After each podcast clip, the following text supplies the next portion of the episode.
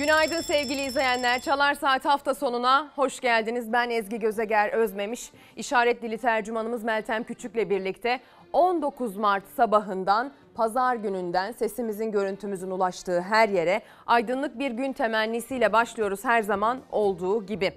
Gününüz aydın olsun diyeceğiz. Bol bol günaydın mesajı atacaksınız eminim. Her sabah olduğu gibi buraya çıktığımızda bizi yalnız bırakmayacaksınız. Ama tabii ki gün aydınlığımıza zaman zaman gölge düşürecek bir takım başlıkları, bir takım haberleri de aktarma göreviyle e, karşınıza çıktığımız için hiçbir haber başlığını saklamadan, hiçbir tartışma konusunu atlamadan size gündemden bütün bilgileri vermeyi vaat ederek karşınıza çıkıyoruz. Çalar Saat hafta sonunda bu güzel pazar sabahında bizi izlediğiniz vakit önümüzdeki haftanın gündemine de potansiyel tartışma konularına da aslında hakim olma şansına sahip olacaksınız. Hani Türkiye'nin gündemi biraz böyle ya. Taşından toprağından biraz gündem maddesi, biraz haber başlığı fışkırıyor ya ülkemizin. Ee, hani böyle bazı diziler vardır. Sadece tanıtımlarını izlediğiniz zaman diziyi takip etmiş olursunuz. Biraz öyle bir gündemimiz var.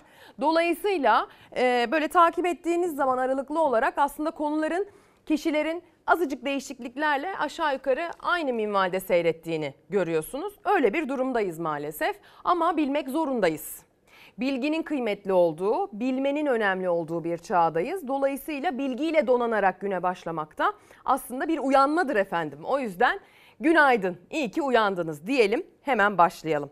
Havanın durumundan bahsederek başlayacağız çünkü maalesef havanın durumu canımızı alır hale geldi. Her ne kadar konuyla ilgili uzmanlar, konuyla ilgili devlet kurumları günlerin öncesinden uyarılar yapsa da kar etmeyebiliyor.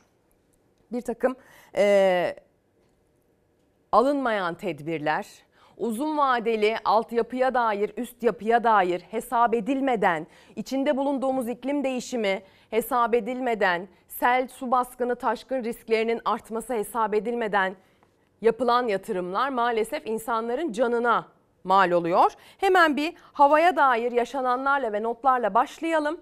Hava nasıl olacak bilgisinden bahsedelim. Sonra tabii ki bu işin biraz siyasetine de girmek zorunda kalacağız.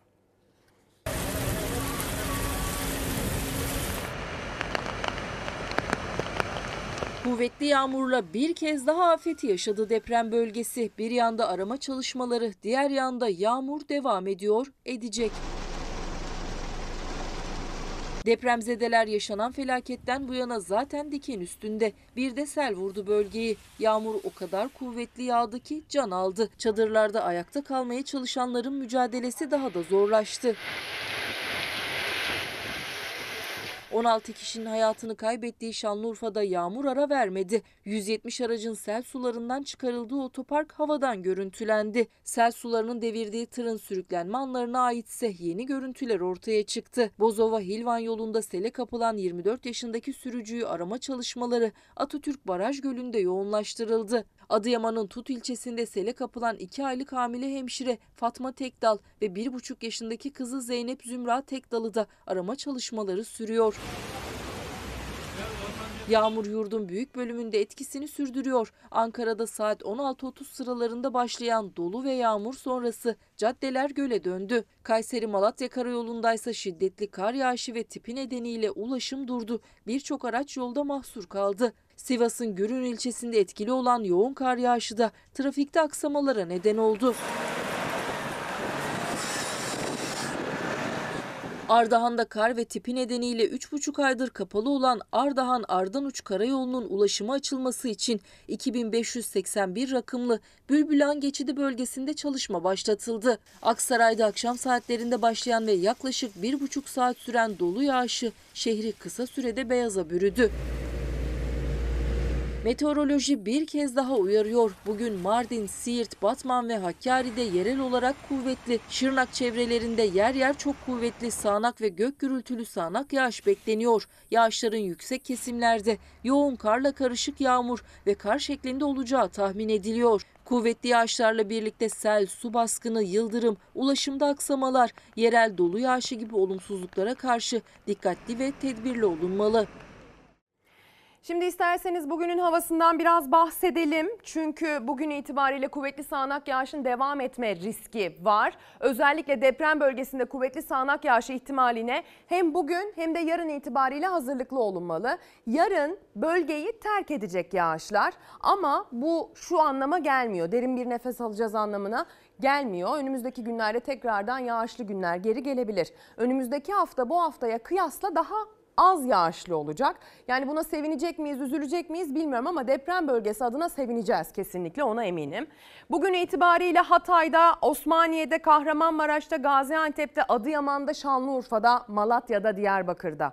Kuvvetli sağanak yağış riski aralıklarla devam ediyor. Riski dünle kıyaslarsak yani düne göre bugün risk daha az diyebiliriz ama risk yok diyemeyiz. E, zaten insanların çadırda yaşadığı düşünülürse e, sevgili izleyenler kuvvetli sağanak yağışa varıncaya kadar zaten herhangi bir yağmur dahi onların bütün eşyalarını, çadırlarını ya da çadırlarını kurdukları zemini tamamen ıslatacağı için bu bile e, günlük yaşantının belki de kat ve kat daha zor hale gelmesi anlamına gelebilir. E, bir de bunun kuvvetli olduğunu düşünün. Dolayısıyla aslında günlerdir yapılan çağrılara keşke kulak asılsaydı. Keşke e, çadır kentler taşınabilseydi. Çadır kentler taşınamadı çünkü çok fazlaydı. Çok fazla insan vardı. Nereye taşınacaktı? E o zaman çadır kentler keşke yaklaşan bir yağmur ihtimaline karşı baştan e, dizayn edilseydi. Biz hep böyle kervanı yolda düzmeye alışıyoruz maalesef. O yüzden böyle bir sıkıntımız var. Kuvvetli sağanak yağış diyorsak eğer Karadeniz bölgesini, Doğu Anadolu bölgesinin genelini, Orta ve Doğu Karadeniz'i de içine katarak bir risk uyarısında bulunmak durumundayız bugün için. Kuvvetli sağanak yağışa karşı dikkatli olmamız gerekiyor.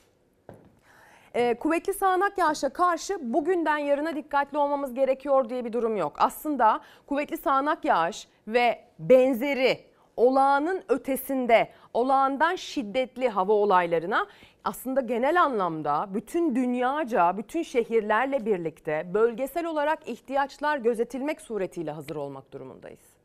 Şimdi Bir Gün Gazetesi gelsin İrfan Tomakin'den rica edeyim. Bir Gün Gazetesi bugün manşetten hani artık e, Abide Kavşağı, Abide Kavşağı diye artık öğrendik ya Şanlıurfa'nın merkezinde 3 yıl önce yapılan o e, üst yapıyı. İşte oradan bahsediyor. Utanmazlık abidesi gibi manşetini atıyor bir gün, bugün bir gün gazetesi. AKP iktidarının felaket sonrası skandalları bitmiyor. Son açıklama Urfa'dan geldi diyor. 16 kişinin selde öldüğü kentin belediye başkanı hiç sorumluluğum yok dedi diyor. Her sorumsuzluğu kadere bağlayan akıl almaz açıklamalarla yurttaşın acılarıyla dalga geçen iktidar cephesinin skandalları bitmiyor.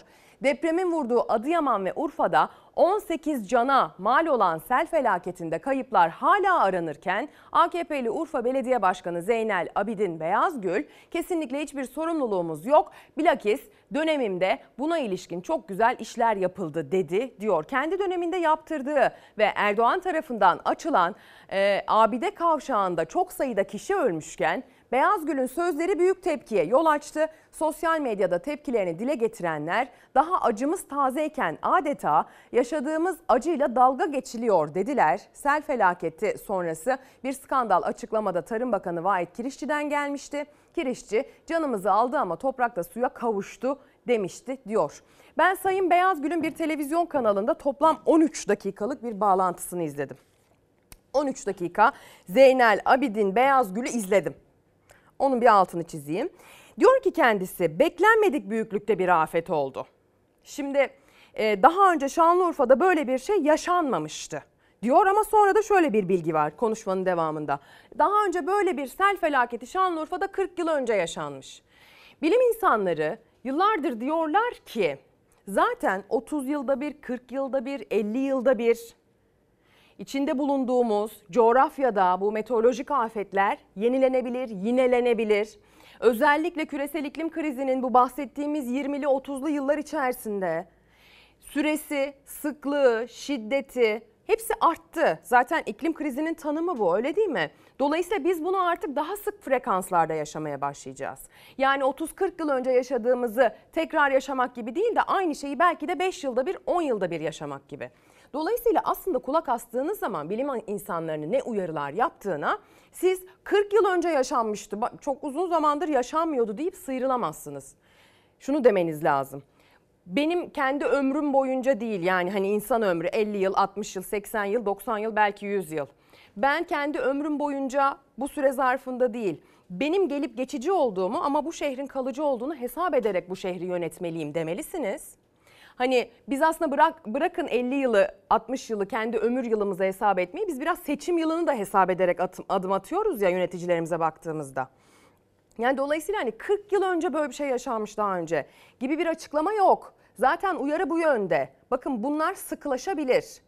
Üç tane dere varmış Şanlıurfa'nın içerisinde, üçü de taşmış. E o derelerin beton e, kanallar içerisinde hapsedildiğini dün canlı yayınlarla Sevgi Şahin bize bölgeden zaten birebir gösterdi. E, Şavşat Deresi'nde Şavşat Deresi e, askeriye içinden geçiyormuş. Bir duvar önünde su birikmiş. Sonra o duvar yıkılınca da Abide Kavşağı'na bütün su boca olmuş. Dolayısıyla bir anda böyle bir sıkıntı yaşanmış. E beyefendiye soruluyor Zeynel Abidin Beyazgül'e e neden tahliye olamadı mazgallar mı tıkalıydı diye buna hiçbir cevap vermiyor. Yani e, tahliyeye dair bir bilgi vermediği gibi mazgallarla alakası yok. Biz onun üstüne işte Cumhurbaşkanı'nın açılışıyla üst geçit yaptık. O üst geçidi yapmasaydık daha fazla insan ölürdü diyor. Su niye tahliye olamadı soru işareti hala yanıt bulamıyor. Maalesef e, gece kondulaşmış sağlıksız binaların Karakoyun Deresi etrafındaki kamulaştırılma projesinden bahsediyor. Bakın biz bunları bu zamana kadar yaptık. E dolayısıyla bunlarda sıkıntı olmadı gibi. Ama çok basit bir sorunun cevabı verilemiyor mesela. O alt geçitte, o dalçıkta neden o su tahliye edilemedi? Hiç mi yoktu bu sistem? Olan sistem yetersiz miydi? Olan sistem hazırlıksız mıydı? Hani tıkandı mı? Temizlenmedi mi? Bu soruların hiçbir şekilde cevabını alamadığımız bir canlı bağlantı gerçekleştirdi. Yani herkesin yetkisi var ama hiç kimsenin sorumluluğu yok. Türkiye'nin özeti gibi bir cümle. Şimdi siyasetten devam edelim.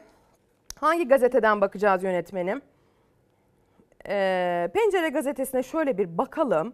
Aslına bakarsanız bu başlığı nereden görmüştük, nereden görmüştük? Pencere gazetesinden genel bir gazete okumaya başlayalım o zaman. Sonrasında Mansur Yavaş'ın çıkışıyla devam edeceğiz. Pencere gazetesi gelsin. Ee, 1 kilo et için kuyrukta tam 5 saat 40 dakika şeklinde bir manşetle çıkıyor Pencere gazetesi. Bugün pek çok gazetenin aslına bakarsanız e, ilk sayfasında manşetinde bu detay var. Et fiyatı fiyatları hangi hızla artıyorsa ucuz et satan marketlerin önlerindeki kuyruk da aynı oranda uzuyor. Özellikle et ve süt kurumu mağazalarında et almak isteyenlerin bekleme süresi bir günlük mesaiye yaklaştı. İstanbul Büyükşehir Belediyesi Meclis Üyesi Nadir Ataman dar gelirlilerin yaşadıklarını deneyimledi. Beylikdüzü'ndeki et ve süt kurumuna sabaha karşı 5'te gitti, kuyruğa girdi. Ataman'ın 1 kilo kıyma alıp mağazadan ayrılması tam 5 saat 40 dakika sürdü diyor. Nereden baksanız bir mesai süresi şeklinde. Şimdi birazcık siyasete girelim. Altılı masadan bahsedelim. Millet İttifakı'nın e, iktidarında Cumhurbaşkanı yardımcısı olacağı açıklanan Ankara Büyükşehir Belediye Başkanı bir canlı yayına katıldı. Altılı masaya o canlı yayında bir öneride bulundu. Bence dedi genel başkanlar e, aynı zamanda milletvekili olurlarsa mecliste gruplarının başında olurlar ve böylece çok şikayet ettiğimiz meclisin etkinliğini kaybetmiş olması durumu biraz olsun ortadan kalkar dedi. Bunun üzerine bir tartışma çıktı. Birkaç gün vaktimiz olsaydı şunu önerecektik. Cumhurbaşkanı yardımcısı olarak Sayın Ekrem İmamoğlu ile beni ilan ederim.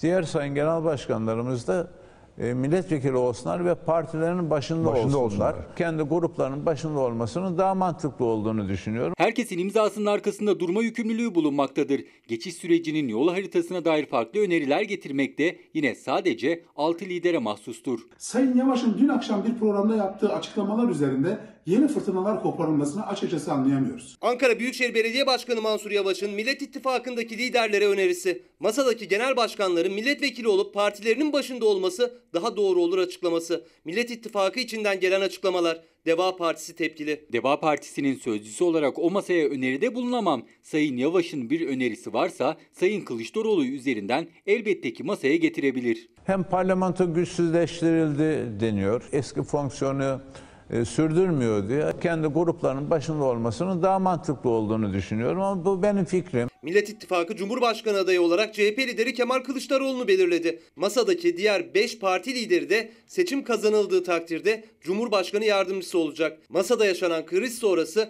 İyi Parti lideri Meral Akşener'in teklifiyle İstanbul ve Ankara Büyükşehir Belediye Başkanlarının da Cumhurbaşkanı yardımcılığı görevlerini üstleneceği mütabakat metninde yer aldı. Sayın Akşener, Sayın Genel Başkan'a dedi ki o zaman dedi taşın altına elinizi sokacaksınız. Uzlaşma ancak bu şekilde gerçekleştiriyor dedi. Sizin orada olmanız lazım. Yönetimde mutlaka etkili ve yetkili şekilde bu vatandaşlarla kurduğunuz bağın devam etmesi gerekir dedi. Bu da uygun bulundu. Cumhurbaşkanı yardımcılarımızı anons etmek istiyorum. İstanbul Büyükşehir Belediye Başkanımız Ekrem İmamoğlu. Ankara Büyükşehir Belediye Başkanı Mansur Yavaş. Habertürk'te Fatih Altaylı'nın sorularını yanıtladı Yavaş. 6 Mart'ta yaşanan süreci anlattı. Son anda alınan kararları. Birkaç gün vaktimiz olsaydı sayın genel başkanlarımız milletvekili olsun ve partilerinin başında olsunlar diyecektik dedi. Yavaş'ın o çıkışına Deva Partisi sözcüsü İdris Şahin herkes mütabakata uygun hareket etmeli diyerek tepki verirken Gelecek Partisi sözcüsü Serkan Özcan'dan mahsuru yok açıklaması geldi. Sayın Yavaş kanaatini, fikrini şöyle olsaydı daha iyi olurdu diyerek söylemiş. Bunda hiçbir mahsur görmüyoruz. Ortada net bir biçimde imzalanmış, kamuoyuyla paylaşılmış bir döküman var. Farklı kanaatler ortaya koymasında hiçbir mahsur görmüyoruz. Asıl olan altı liderin imzaya attığı geçiş süreci yol haritası metnidir. Bu fikrimi Sayın Genel Başkanlarla konuşmaya çalışacağım ama takdir masanın. Önerisini genel başkanlara ileteceğini de dile getirdi Mansur Yavaş. Hem Büyükşehir Belediye Başkanlığı hem de Cumhurbaşkanı Yardımcılığı görevi bir arada olmaz açıklamalarına yanıt verdi. Sayın Binali Yıldırım için İstanbul Büyükşehir Belediye Başkanı olunca o da Cumhurbaşkanı yardımcısı olacak diyenler şimdi bunun mümkün olmayacağını Binali Bey- söylüyorlar. Büyükşehir Belediye Başkanları vatandaşa çok daha haşır neşir olabilen, gençlerin kolay ulaştığı insanlar yine bize ulaşacaklar. Cumhurbaşkanı yardımcılığı olsak da belediye başkanlığı görevimiz devam ettiği için biz onlarla iç içe olacağız. Aslına bakarsanız galiba biz e, öneriye çok açık değiliz. Ya da şöyle önerinin e, toplum önünde yapılmasına çok açık değiliz. Böyle hani kol kırılsa da yen içinde kalsın. Bunun e, bir de e, topluma halkla ilişkiler çalışması gerekmesin şeklinde. Çünkü artık içinde bulunduğumuz süreçte son 20 yıldır yönetilme şeklimizle özellikle son 10 yıldır yönetilme şeklimizle böyle en yaptım olduculuk birazcık e, ön plana çıktı. Hiçbir zaman Türkiye Cumhuriyeti vatandaşlarının büyük bir çoğunluğu demokratik yaşamı, demokrasiyi hani girdiği kuyrukta, markette, alışverişte, trafikte e, demokrasiyi çok içselleştirmiş gibi zaten davrandığı bir durum içerisinde değildi ama zaten son zamanlarda buna dair var olanı da büyük ölçüde kaybetmiş olabiliriz diye düşünüyorum. Büyük bir soru işareti toplum bilimciler belki de bu soru işaretini giderirler. Dolayısıyla böyle hani herhangi bir öneri, biz birleştik bir araya geldik birlikte seçime gidiyoruz denen kişiler arasından birinin çıkıp acaba şunu da şöyle mi yapsak cümlesini insanların karşısında, insanların canlı yayında herkesin izleyebileceği şekilde kurması alışık olmadığımız bir duruma dönüşüyor gün geçtikçe. Olabilir. Demokrasilerde öneriler olur, tartışılır, masaya yatırılır. Öneriler, açılan tartışmalar fikir jimnastiği açısından bir fırsat olarak da görülebilir. E, Doğrudur, değildir. Bir yöntem olarak etkindir, değildir. Bu da tartışılır. Beni bu kısmı beni hiç ilgilendirmiyor. Önerinin ne olduğuyla hiç ilgilenmeden bu cümleleri kuruyorum. Ama neden olmasın? Şimdi isterseniz Karar Gazetesi'ne bir bakalım. Karar Gazetesi'nde de Karar TV'de konuşan yine aynı oluşumun bir başka kolonu diyebileceğimiz Sayın Babacan'ın sözleri var. Herkese gör, e, herkes görmeli bir devir bitti manşeti atılmış e, Sayın Babacan'ın sözlerinden alınarak. Sandığa 56 gün kala Babacan, iktidarın altı benzemez teorisi çöktü. Panik halinde partilerle görüşmeye başladı. Erdoğan devri bitiyor artık bunu görmek lazım dedi. Deva Partisi lideri bugünkü iktidar için iş başında kaldığı sürece Türkiye'nin krizlerden çıkma şansı yok vurgusu yaptı diye konuştu diyor. 4 sene 10 ayda bu sistemi test ettik değil mi?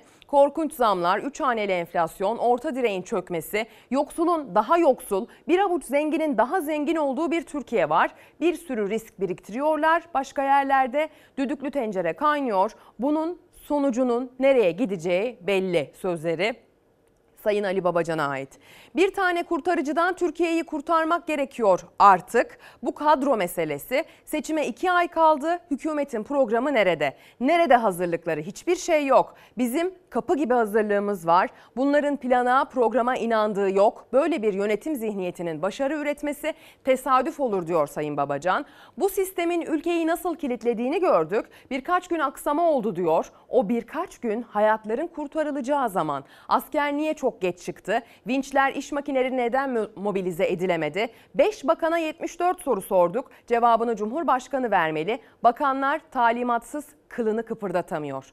TOKİ'nin bazı illerde yanlış yerlere inşaat yaptığıyla ilgili teşkilattan bilgi geliyor. 3 milyon liraya 105 metrekarelik TOKİ dairesi olur mu? Adıyaman'da 3 milyona böyle bir daire alır mısınız? Bu paralar depremzedeler tarafından ödenecek. İnsan anlatırken utanıyor. Cenazeler soğumadan bunlar oluyor. İnanılır gibi değil sözleriyle Karar Gazetesi'nin manşeti tamamen e, Sayın Babacan'ın sözlerine aktarılmış bugün. Bir de Sözcü Gazetesi'ne bakalım. Sözcü Gazetesi manşetten diyor ki manşetten demiyor bir detaydan diyor ki troll baskısı AKP'li vekili pes ettirdi. Özlem Zengin tartışması geçtiğimiz haftanın son günlerinde gündeme damga vuran aslında bir tartışma bu biliyorsunuz sevgili izleyenler. İktidar cephesi seçime giderken yanına başka partiler katmak istiyor. O parti e, buluşmalarında bir takım sözler verildi mi verilmedi mi? Kadına yönelik şiddet yasası parti partiler arası görüşmelerde pazarlık malzemesi oldu mu olmadı mı? Kadınları koruyan yasayı savununca hedef oldu. AK Parti Grup Başkan Vekili Özlem Zengin, değiştirilmesi istenen 6284 sayılı kanuna sahip çıktığı için yaşadıklarını anlattı demiş. Şimdi Özlem Zengin'in yaşadıklarını biz kendisinden dinleyeceğiz ama büyük soru işaretleri var konuyla ilgili. Bu yalnızlıktan da yorgunum. Camiamızın içinde bulunduğu durumu değerlendirirken de böyle hüzün duyuyorum. Öyle ifade edeyim. Bu konu bu kadar tartışmayı hak edecek bir mevzu değildir. Yeniden Refah Partisi'nin Cumhur İttifakı'na katılmak için değiştirilmesini istediği 6284 sayılı ailenin korunması ve kadına karşı şiddetin önlenmesine dair kanun için kırmızı çizgimizdir vurgusu yapmıştı. AK Parti Grup Başkan Vekili Özlem Zengin hedefe konduğunu, tehdit edildiğini söyledi. Çok yalnızız. Bu konuya kimse girmek istemiyor. Çünkü bu konuya girdiğiniz zaman hedef oluyorsunuz. İşte ben telefonuma yüzlerce tehdit mesajları alıyorum. Türkiye'de depremle alakalı yaşanan konularda bu insanlar bu kadar tweet atmadılar. Tecavüze uğrayan çocukla alakalı bu kadar tweet atmadılar. AK Parti Grup Başkan Vekili Özlem Zengin'in sitemi parti içinde mesajları dikkat çekti. Yeniden Refah Partisi'nin Cumhur İttifakı'na katılma şartına tepkisi devam etti. Her sözü hem kendisine yönelik tepkilere hem de yapılan açıklamalara yanıt gibiydi. bir koalisyon protokolü imzalanmıyor. Partilerin seçime dönük bir ittifak yapma çalışması içerisindeyiz. Bu gibi konuların tartışıldığı bir zemin zaten ortada yok. Siyasi partilerin kendi fikirleri muhakkak ki vardır.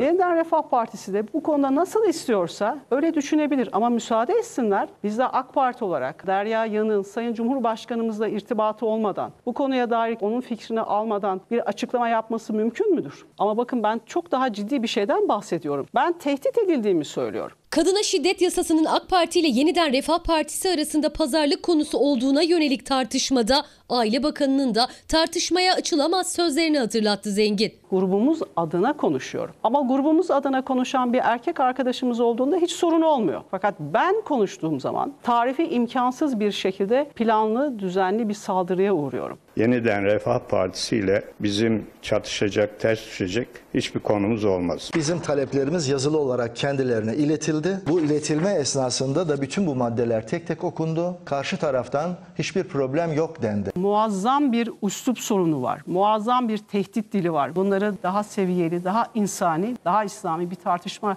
ortamında bunları konuşmaya müsait diye düşünüyorum. AK Parti'den kim konuşsa ittifak şartlarına ilişkin problem yok demişti. AK Parti Grup Başkan Vekili Özlem Zengin'in açıklamaları, itirazı ve tehditler alıyorum sözleri gündeme oturdu. AK Parti 50 artı 1 almaya çalışıyor. 30 milyon oya ihtiyacımız var. Bu 30 milyon içerisinde kadınların oyu minimum 10 milyon. Bu kadar önemli bir konuda kadınları bu kadar rahatsız eden tartışma uslubuyla içerikten bahsetmiyorum. Başka bir konu var mı?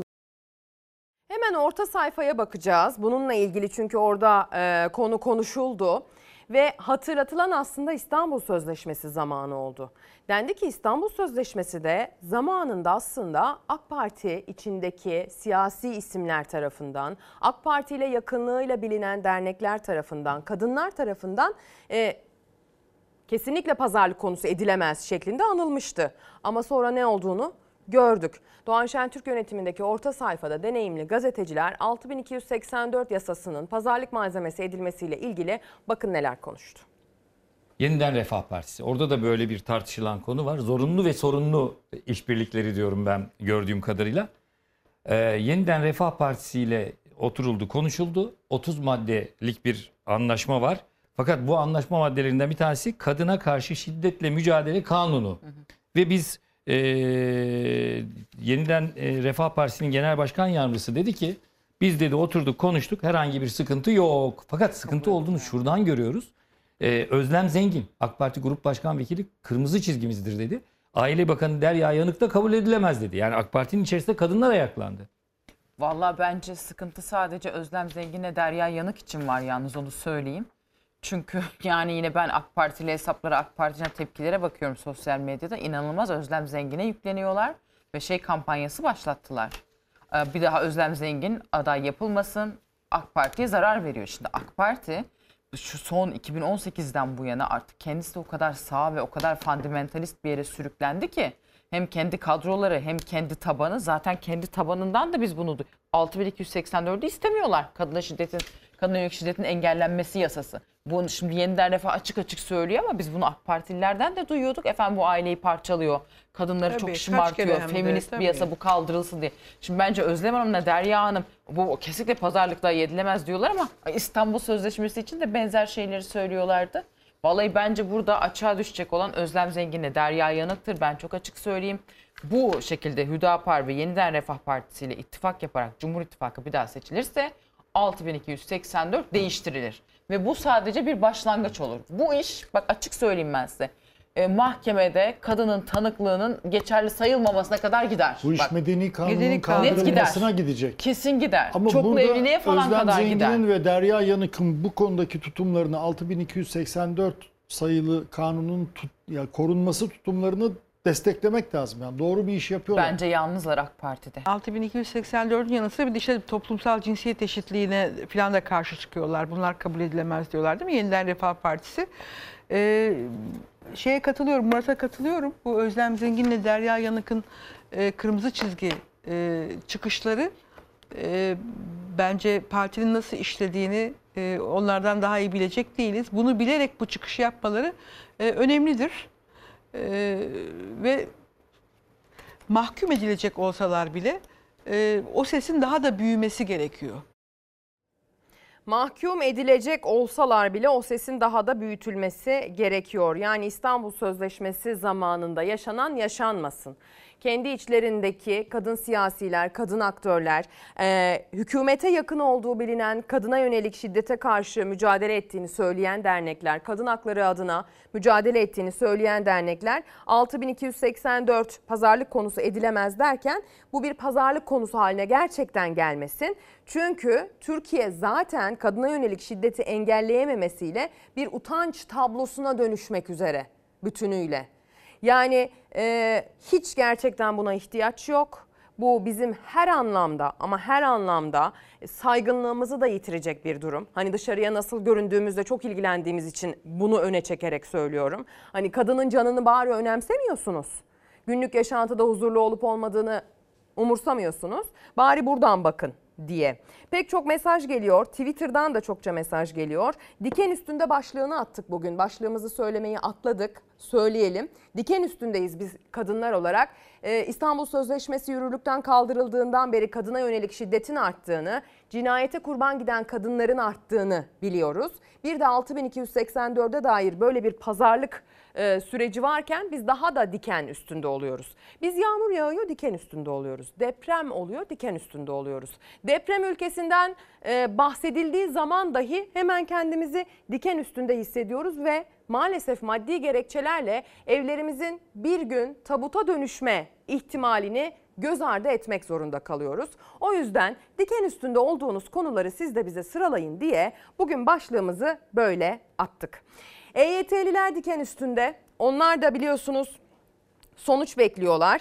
Buna dair bir mesaj var şu anda mesaj kutuma düşen hemen size aktarayım. EYT Federasyonu Başkanı Gönül Boran mesaj gönderiyor ve diyor ki lütfen sesimiz olun. Seçim öncesi önemli mesajlarımız olacak iktidara hem de muhalefet muhalefete. Bugün saat 14'te İstanbul Kadıköy'de basın açıklamamız olacak.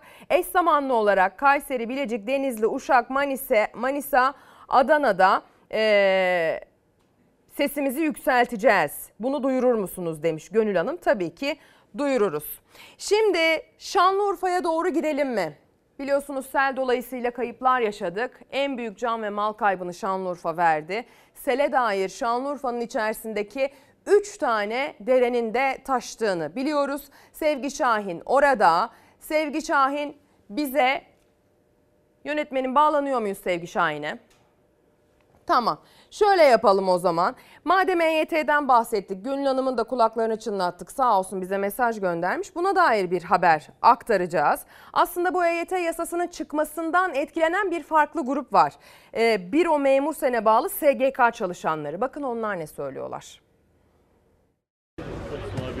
Bu kadar işin altında rutin işlerinin yanında ekstradan bir EYT var, 3600 ek gösterge var. Şimdi de prim yapılandırması çıktı değil mi? EYT yasasının da çıkmasıyla artan iş yüklerine karşılık istiyor büro memur sene bağlı SGK çalışanları. Artan iş yüklerinin karşılığını alabilmek için iş bıraktılar. Eksik personelle benim arkadaşlarım bu ekonomik şartlarda 11 bin lira 11.500 liralık bir ücretle bordroyla benim arkadaşım Antalya'da kiralar 20 bin liraya geçmiştir. Nasıl geçinecek benim bu arkadaşlarım? İş çok, para yok. Antalya'da büro memur sene bağlı SGK çalışanları özlük haklarının iyileştirilmesi için bir günlüğüne iş bıraktı. EYT ile birlikte iş yüklerinin ne kadar arttığına dikkat çektiler. Saatlik 23 lira mesai ücreti. Biz buradan hükümete bir torba yasa da bizim için istiyoruz. Sendika üyeleri artan iş yükü nedeniyle kendileri için de bir torba yasa çıkarılmasını istiyor. Sorunları sıraladık, bunları giderin. Gidermezseniz eylemlerin dozunu arttırarak devam edeceğiz. Mesajlarınız gelmeyi sürdürüyor sevgili izleyenler. Yönetmenime hemen sorayım ne yapıyoruz? Tamamdır. O zaman madem emeklilikten, madem buna dair kanunlardan, madem buna dair artan iş yüküyle sıkıntı çeken memurlardan bahsettik. Eşdeğer bir başka durum için Fransa'ya gidelim. Emeklilik yaşının kademeli olarak yükseltilmesine karşı e, bitmek bilmeyen protestolar.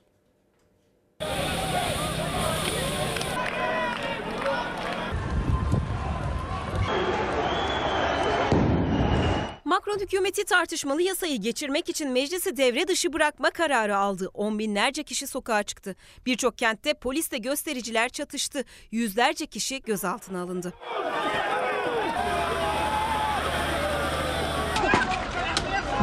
Fransa'da hükümet emeklilik yaşını kademeli olarak 64 yaşa yükseltecek yasayı hayata geçirmenin yolunu buldu. Macron meclisten geçmeyeceğini düşündüğü yasa için anayasanın özel bir maddesini devreye soktu. Bu maddeyle meclis bypass edilirken muhalefet hükümet hakkında gen soru önergesi verebiliyor.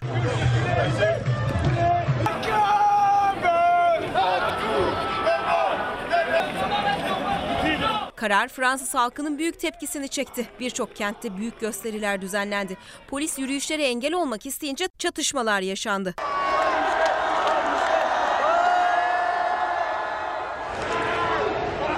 Göstericiler kurdukları barikatları ve bazı araçları ateşe verdi. Polis göz yaşartıcı gaz ve basınçlı suyla müdahale etti. Olaylarda çok sayıda kişi yaralanırken başkent Paris'te 200'den fazla kişi gözaltına alındı. Macron'un girişimine tepki gösteren sendikalarsa yeni grev hazırlığında. Sendikalar yasayı protesto etmeyi sürdüreceklerini ve 23 Mart'ta yeniden greve gideceklerini açıkladı. Meclisin devre dışı bırakılmasının ardından muhalefetin hamlesi de gecikmedi. Aşırı sağ parti lideri Marine Le Pen, iktidar aleyhine gen soru verdiğini açıkladı. Önerge meclisteki milletvekillerinin çoğunluğunun desteğini alırsa hükümet düşüyor. Aksi durumdaysa yasa tasarısı mecliste oylanmadan geçilmiş sayılıyor ve senatonun önüne geliyor. Emeklilik yasası tartışmaları sürerken temizlik işçilerinin grevi de devam ediyor. Grev nedeniyle başta Paris olmak üzere birçok kentte çöp yığınları oluştu. Fransız medyasına göre sadece Paris'te 7 bin ton çöp birikti. Halk sokaklarda biriken tonlarca çöpten ve kötü kokudan rahatsız olsa da işçilere hak veriyor. Macron'dan geri adım atmasını istiyor. Şimdi az evvel bahsettiğimiz bağlantıyı gerçekleştirmek için Şanlıurfa'ya dönüyoruz. Ercan Canik kamerada, e, mikrofonda da arkadaşım Sevgi Şahin var. Sevgi yağmur altındasın, ne durumdasın, nasıl başladı Şanlıurfa'da gün? Selin 5. günü, e, notları senden dinleyelim. Ezgi Gözeger, Selin 5. gününde beklenen o kuvvetli yağış akşam saatlerinde ve gece başladı Şanlıurfa'da. Gece boyu gök gürültüsünü duyduk ve şimşekler aydınlattı Şanlıurfa'yı. Gün başladı. Yeni günle birlikte de yine sağanak yağış devam ediyor. Gece e, olanki gibi değil ama o kadar kuvvetli değil ama yine de şu anda sağanak yağış devam ediyor deprem bölgesinde Şanlıurfa'da. Bizim bulunduğumuz nokta Karakoyun Deresi'nin yanı başındayız şu anda. Derenin duvarları selle birlikte iş makineleri tarafından açılmıştı. Oraya balçıklar sevk ediliyordu. İş makineleri rahat girsin diye o duvarlar yıkılmıştı. Tarihi duvarlar öyle de söyleyelim. Şimdi yine orada çalışma var. Çalışmayı gösteriyoruz size. Yine sokaklarda çalışmalar var. Burası Selin vurduğu mahallelerden biri Akabe Mahallesi ve işçiler burada temizlik görevlileri, belediye görevlileri buradaki yağmuru, çamuru temizlemeye çalışıyorlar. Yine sular birikmiş. Bu sular bir nebze daha dün çekilmişti ama yağışla birlikte yine gördüğünüz gibi sular buralarda birikmiş durumda yine çakıllar, taşlar var. Evler zaten suyun yüksekliğini tekrar gösterelim. O iz duruyor ikinci katlara kadar varan suyun yüksekliği duruyor. Bu mahalle bomboş şu anda hiç kimse yok sokakta. Dereyi gösterelim bir de derenin yükseldiğini söyleyebiliriz biraz daha. Çünkü deredeki seviye düşmüştü. Bu balçıklarla birlikte yağışın durmasıyla birlikte ama yağışla birlikte tekrar yükseldi. İşte derenin temiz su sıkıntısı vardı. Tankerler getirilmek durumunda kalıyordu. Suları asla içmeyin deniyordu. Bununla ilgili bir değişiklik var mı? Ezgi şimdi şöyle söyleyelim. Suyun rengini görüyorsunuz. Ercan Canik deredeki suyu da biraz gösterebilirse suyun rengi akan suyun rengi ilk gün sel bölgesinde Ercan abi şöyle geliş makinesi var. Bu çamur rengiydi. Muslukları açtığımızda bu renk karşımıza çıkmıştı. Sular kesilmişti. Dün kademeli olarak şebeke suyu verildi.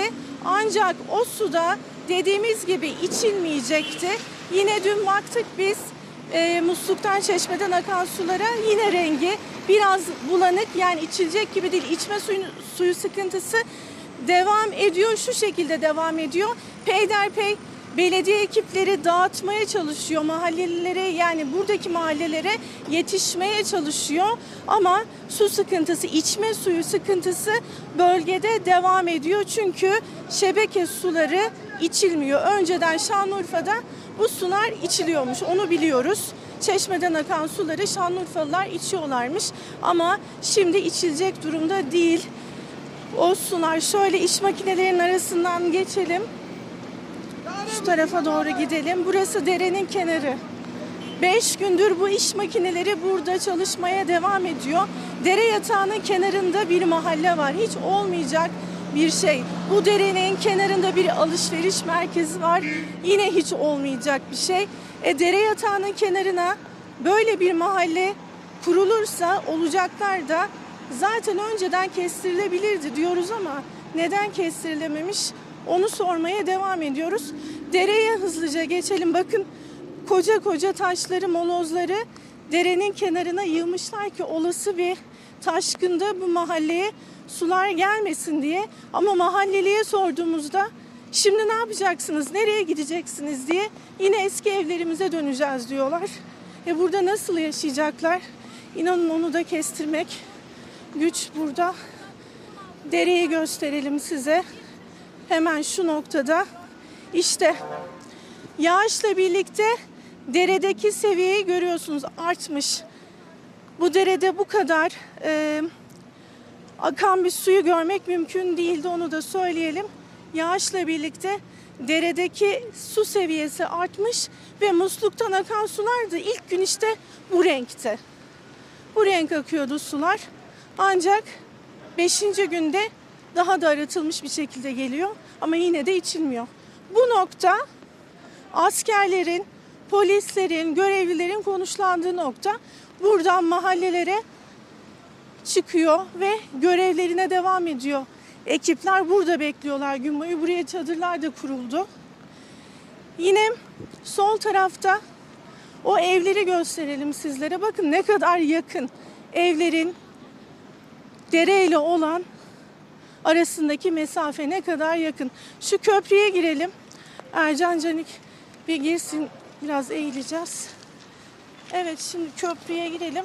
Bu köprü kapatılmış durumda. Herhangi bir yıkılma tehlikesine karşı. Çünkü iş makineleri bu köprüyü yıkıp derenin içine girdi. Selin ilk günü o yüzden yıkılma tehlikesine karşı bu tarihi duvarlar, derenin duvarları kapatıldı. Derenin seviyesini şöyle gösterelim. Bakın suların şiddeti artmış durumda. Geceki yağışla birlikte çok aydınlattı şimşekler Şanlıurfa'yı. Hatta özellikle sosyal medyada korkuyoruz diyen Şanlıurfalılar vardı. Böyle bir şimşek görmedik diyenler vardı. Ve derenin seviyesiyle birlikte polis ekipleri de buradan ayrılın diyorlar. Aslında daha önce de yayınlarımızı buradan yapabilmiştik dediğimiz gibi. Ama güvenlik, can güvenliği tehlikesi için sanırım ikaz ediyorlar.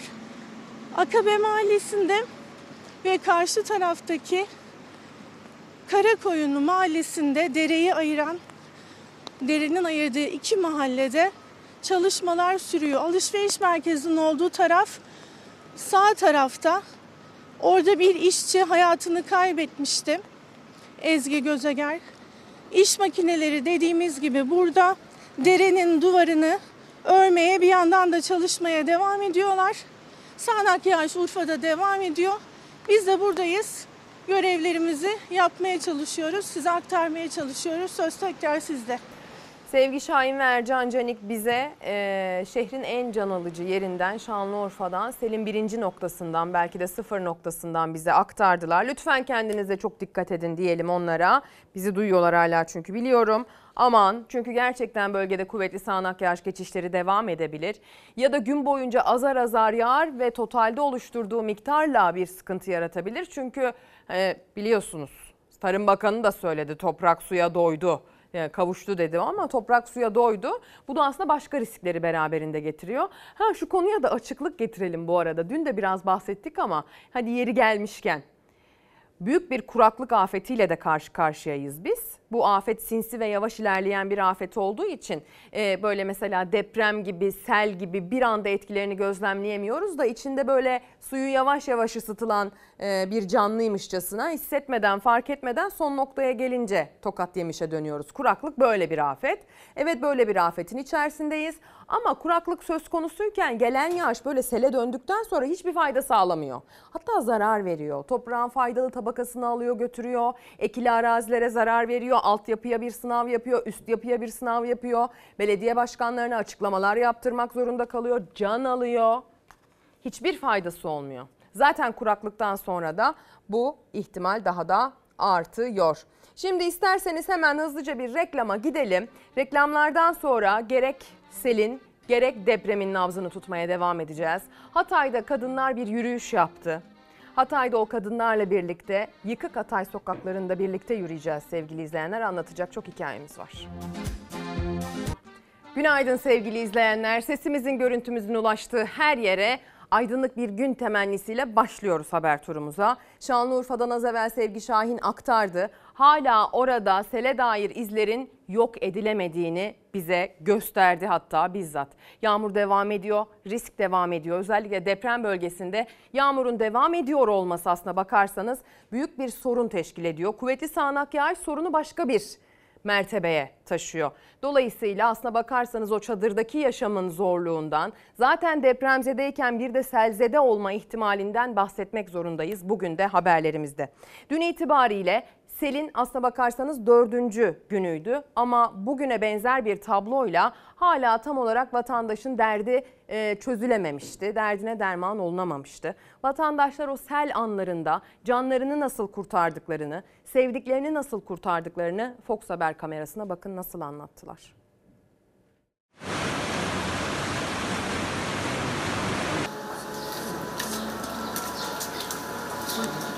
Ben e, önce su gelmeden önce kendisini ben komşularla beraber kucakladık çıkardık. Ondan sonra zaten sel gelince bastı olan oldu. yani. Bir anda oldu. Duvarımız yıkıldı. Benim evim halen temizlenemedi. Evimi halen 3 kişiyle temizledim. 3 kişiyle. Selin ortasında bir başına kaldılar. Canlarını kurtardılar ama evlerinde hasar büyük, eşyaları kullanılamaz hale geldi. Şanlıurfalılar bir yandan yaralarını sarmaya çalışırken bir yandan da yetersiz kalan desteklere tepkili. Vallahi zannetmiyorum ama onlar bizden hasar tespiti yaptılar. Ben zannetmiyorum. Daima şey diyor, ikinci plan alıyor. Bakır Kurt 68 yaşında emekli, 100 yaşındaki annesinin evinde yakalandı sel felaketine. Sırtında taşıyarak kurtardı annesini. Yaşlı kadının kullanılabilecek durumda tek eşyası bile kalmadı. Evlerinin tavanına kadar yükselen suyun izi kaldı duvarda. Bir de çamura bulanan fotoğraflar. Bu evdeki duvarda asılı fotoğraflar, bu evde yaşayanların anıları da çamurlarla görünmez hal aldı ve işte evin zemini her yer balçık içinde ve bu çamurlar bu evden temizlenmeye çalışıyor. Annem burada kalıyor, ben de onun yanında kalıyorum. 100 yaşında. Paramız gitti, eşyamız gitti, hiçbir şey kalmadı. Henüz bir destek yok. Binbir emek kurmuştu annesinin evini. Şimdi yeniden ayağa kaldırmak istiyor ama emekli maaşıyla nasıl yapacak o da bilmiyor. Burası temizlenirse ancak ben kendi imkanlarımla kendisini gene buraya yerleştireceğim. Başka yerimiz yok, başka imkanımız yok. Ben emekliyim. Bana verdiği 6 milyar maaş ancak boğazıma ya yetiyor ya yetmiyor. Şanlıurfa Karşıyaka Mahallesi burası ve dere yataklarındaki tüm mahalleler burada olduğu gibi ayakta. Bugün dördüncü gün selin ardından ve Şanlıurfalılar yaralarını sarmaya çalışıyor ama mahalleler hala çamurlar altında. Sel sonrası 4 gündür uyumayan, yardım bekleyen bir başka afetzede de İhsa Deniz. Sele o da ailesiyle yaşadığı evde yakalandı. Hamile ablasıyla canlarını zor kurtardılar. Benim evim şu anda 3 gündür da halen viyanjör bekliyorum. Ben evde 3 kişi haliyle bir gebe olmak şartıyla ablamla beraber temizledik. Belediyemiz hiçbir şekilde bana yardıma gelmedi. İçme suyumuz yok. Şu anda rezalet durumundayız. Gelen asker çamurun temizlenmesine yardım etti ama evine dolan su hala boşaltılamadı. Sel mağdurları daha somut adımlar bekliyor. Başkan geliyor, çalışıyorlar. Hepsi diyorlar başkan geliyor, başkan geliyor. Allah askerimize zeval vermesin. Bizim askerimiz olmasaydı 10 güne kadar da bu mahalle temizlenemezdi. Şimdi Diyarbakır'a doğru gideceğiz. Yaşadığımız bu kuvvetli sağanak yağış orada da etkili oldu. Risk bugün Diyarbakır ve çevresinde de var sevgili izleyenler. Ee, Diyarbakır'da sağanak yağışın etkisiyle bir köprü yıkıldı. O köprü çocukların okula gittiği köprüydü. Zaten yağmurdan dolayı gitti. Köprüler hepsi yıkıldı. Zaten o, e, çocuklar okula gidemiyor. Ben 3 gündür okula gidemiyorum ve LGS öğrencisiyim yani karşımda lise giriş sınavı var. Yol yapılmıyor. 3 gündür benim arkadaşlarım ders alırken ben alamıyorum. Hayallerim var. O hayallerimi gerçekleştirmek istiyorum. Benim hayalim savcı olmak. Ailemin desteğiyle. Evle okul arasında onları hayallerine götüren köprü selde yıkıldı. Ancak hayalleri hala sapasağlam ayakta. Zor şartlarda da olsa okula gitmeye çalışıyorlar. Şartlar iyileştirilsin diye bekliyorlar. Çocuklarımızı okusunlar. Burası Diyarbakır'ın Çınar ilçesine bağlı Sevindik mahallesi. Dört gün önce etkili olan sağanakta mahallenin içinden geçen dere taştı. İlk ve ortaokulla mahalleyi birbirine bağlayan köprü yıkıldı. Selin olduğu gün okulda olan çocuklar suyun karşısına sırtta taşındı. Müdür getirdi çocukları dereye kadar biz sırtımızla taşıdık. Sel olduğu zaman köprümüz yıkıldı. Ondan dolayı okula gidemiyoruz. Çocuklar okula gidemedi o günden bu yana gitmek için tek şansları ise suyun karşısına babalarının abilerinin sırtında geçmek. Ancak bu yolda riskli ve tehlikeli. 5 gündür okula gidemiyoruz. E, Ben 5. sınıfım. Ben okumak istiyorum. Polis olmak istiyorum. Ailelerde, çocuklarda şartlar daha sağlıklı hale getirilsin istiyor. Okula gitmek bu kadar zor olmasın istiyorlar.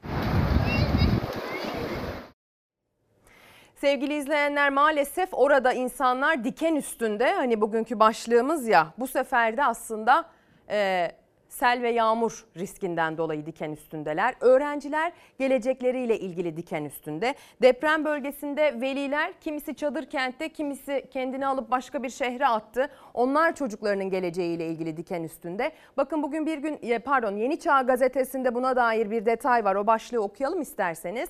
Deprem eğitimi de yıktı diyor başlık. Cumhurbaşkanlığı Strateji ve Bütçe Başkanlığı Kahramanmaraş ve Hatay merkezli depremlerden etkilenen illerde Milli Eğitim Bakanlığı'na bağlı 20.340 eğitim binasından bakın 20.340 eğitim binasından 8.162'sinin tetkik edildiğini, söz konusu binaların yeniden hizmete açılabilmesi için 39,69 milyar liraya ihtiyaç duyulduğunu açıkladı. Öğrencilerimizin geleceğiyle ilgili depremzede çocukların eğitimiyle ilgili de diken üzerindeyiz. Sadece biz değil veliler ve buna dair sivil toplum örgütleri de diken üzerinde. Veli der e, bir mesaj attı, bir duyuru yaptı. Bize de ilettiler bu duyuruyu. Depremzede öğrencilere liselere sınavsız geçiş hakkı verilmesine dair bir çağrıları var. Bu yaşanan depremlerden sonra güvenli barınacak bir yere sahip olmayan, göç etmek zorunda kalan, gıda, erzak, çadır ve benzeri temel ihtiyaçlarına ulaşamayan, olumsuz şartlarda ciddi travmalar yaşayan depremzede çocuklarımıza LGS sınavının dayatılması etik de değildir, adil de değildir diyor ve lider. Merkezi sınavların yarattığı eşitsizlik depremzede çocuklarımız için eşitsizliği daha da arttıracaktır diyor. Dolayısıyla LGS'nin bir şekilde bu çocukların önünde bir eşitsizlik engeli, eşitsizlik barajı oluşturmasının önüne geçin lütfen diyor. MEB'in yapması gereken LGS'yi iptal ederek depremzede çocuklarımızın bu süreçte psikososyal desteğini sağlayarak istediği okula eğitim görme hakkını esas olan okullaşma politikasını hayata geçirmektir diyorlar. Milli Eğitim Bakanlığı'na böyle bir çağrıları var. Hadi gelin deprem bölgesine gidelim. Oradaki son duruma bakalım. Onlar diken üstündeler. Yağmur yağacak. Tek damla yağmurla e, sığındığımız bu çadırlar, zar zor bulduğumuz bu çadırlar kullanılamaz hale gelecek diye korkuyorlar.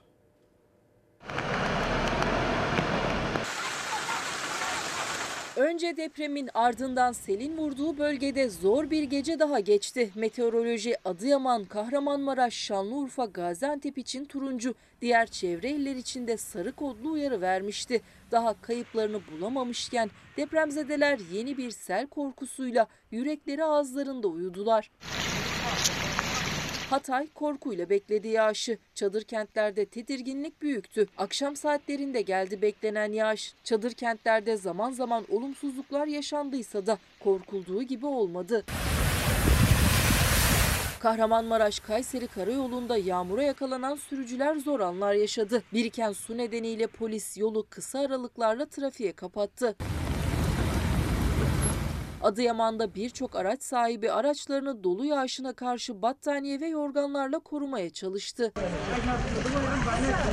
Bölge zaten yaralarını sarmaya çalışıyor. Dün geceyi ceviz büyüklüğünde dolu altında geçiren bölgedekiler bir yandan da kayıplarını arıyor. Adıyaman'da hamile anne ile kızı, Şanlıurfa'da ise tır şoförünü arama çalışmaları selin dördüncü gününde de devam etti. Adıyaman Tut'ta sele kapılan anne ve 1,5 yaşındaki kızını arama çalışmaları devam ediyor. Tut ilçe merkezine 3,5 kilometre mesafedeki kanal aranıyor şu anda. Polis dalgıç ekipleri ve AFAD ekipleri bir yandan botlarla bir yandan da suyun içine girerek aramalarını sürdürüyorlar. Adıyaman'ın Tut ilçesinde selde kaybolan anne ile kızı için arama çalışmaları dün de sürdü. Dere yatakları, çamur birikintileri didik didik arandı. Dalgıçlar suyun içinde kayıplardan bir iz aradı. Göksu Çayı'na doğru genişleyecek aramalar ama ekipler öncelikle bu bölgeyi bitirmek istiyorlar. Balçık var, çamur var, suyun debisi çok yüksek, su çok şiddetli geliyor.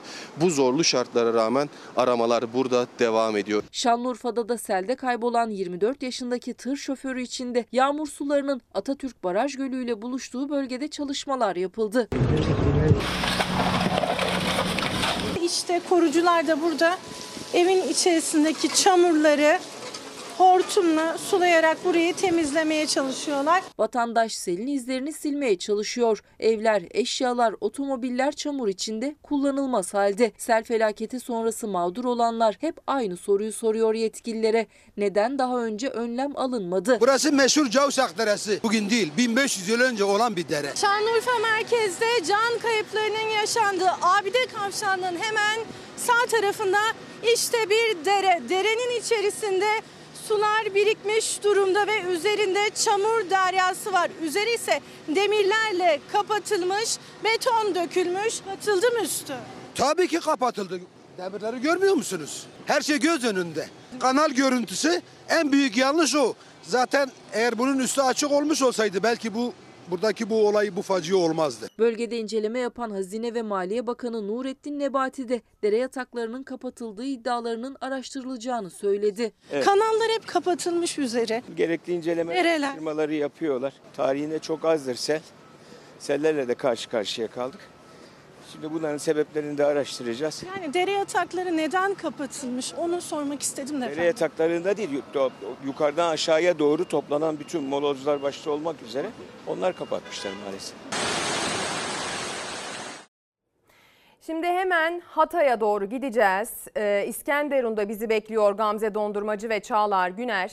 Ee, tabii biz depremden bahsederken Şanlıurfa'da, Adıyaman'da pek çok farklı adreste selden de bahsetmek zorunda kaldık. Orada da bir kuvvetli yağış uyarısı vardı Gamze. Gece nasıl geçti, gün nasıl başladı Hatay'da, İskenderun'da? Ezgi Hatay'da da İskenderun'da da gece çok zor geçti. Çünkü dün e, öğleden sonra yağış başlamıştı. Çadırlar su almaya başladı. İşte çadırların olduğu noktalar e, genellikle toprak, toprak alanların üzerine kurulduğu için de o alanlar yağıştan etkilenmeye başladı. Biz İskenderun'da şimdi kendi imkanlarıyla çadıra ulaşan ailelerin olduğu bir noktadayız. Burada ortalama e, 10 e, 12 çadır var. E, bu çadırda aileler kalıyor. Şimdi şöyle etrafı göstermek istiyorum. Dün başlayan yağış bugün de etkisini gösterecek diye meteorolojinin bir uyarısı var Hatay için. İşte bu yorgan mesela e, içeride daha doğrusu döşek olarak yatmak için kullanılıyordu. Islandığı için aileler dışarı çıkarmak zorunda kaldı. İşte gördüğünüz bu kamp çadırı. İşte korunmak için kendilerine ne bulabiliyorlarsa üstüne örttüler bu şemsiyeyle yağmurun suyunun içeri girmesini biraz olsun engellemeye çalışıyor aileler. Tabi bulabildikleri koltuklarla da e, burada bir yaşam alanı kendilerine yaratmaya çalıştılar ama o koltuklar da ıslaktı. Biz geldiğimizde de baktık. E, bu koltuklar da şu anda kullanılamaz durumda. E, bir aile var şimdi yanımızda. E, Nuran abla şimdi siz burada torunlar, çocuklar hep beraber kalıyorsunuz. Üç aile bir çadırda kalıyoruz kızım. Ve mağduruz yani çünkü bu yağmurda e, perişan olduk. E, çocuklar bile her tarafları ıslandı, yataklar ıslandı, battaniyeler ıslandı. Çocuklar e, kalktılar ağlayarak kalktılar.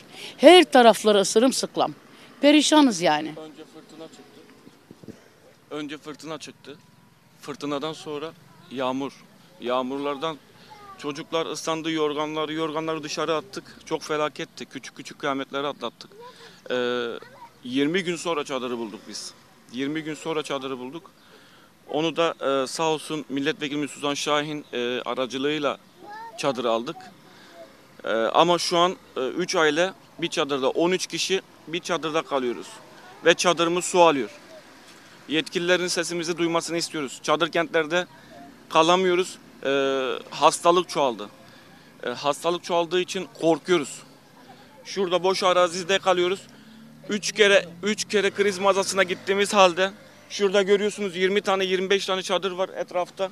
Kriz masasına gittiğimiz halde elektrik takılmasını istedik. Soba dahil takamıyoruz. Işığımız yok, elektriğimiz yok. Mağduruz. Sesimizi duysunlar.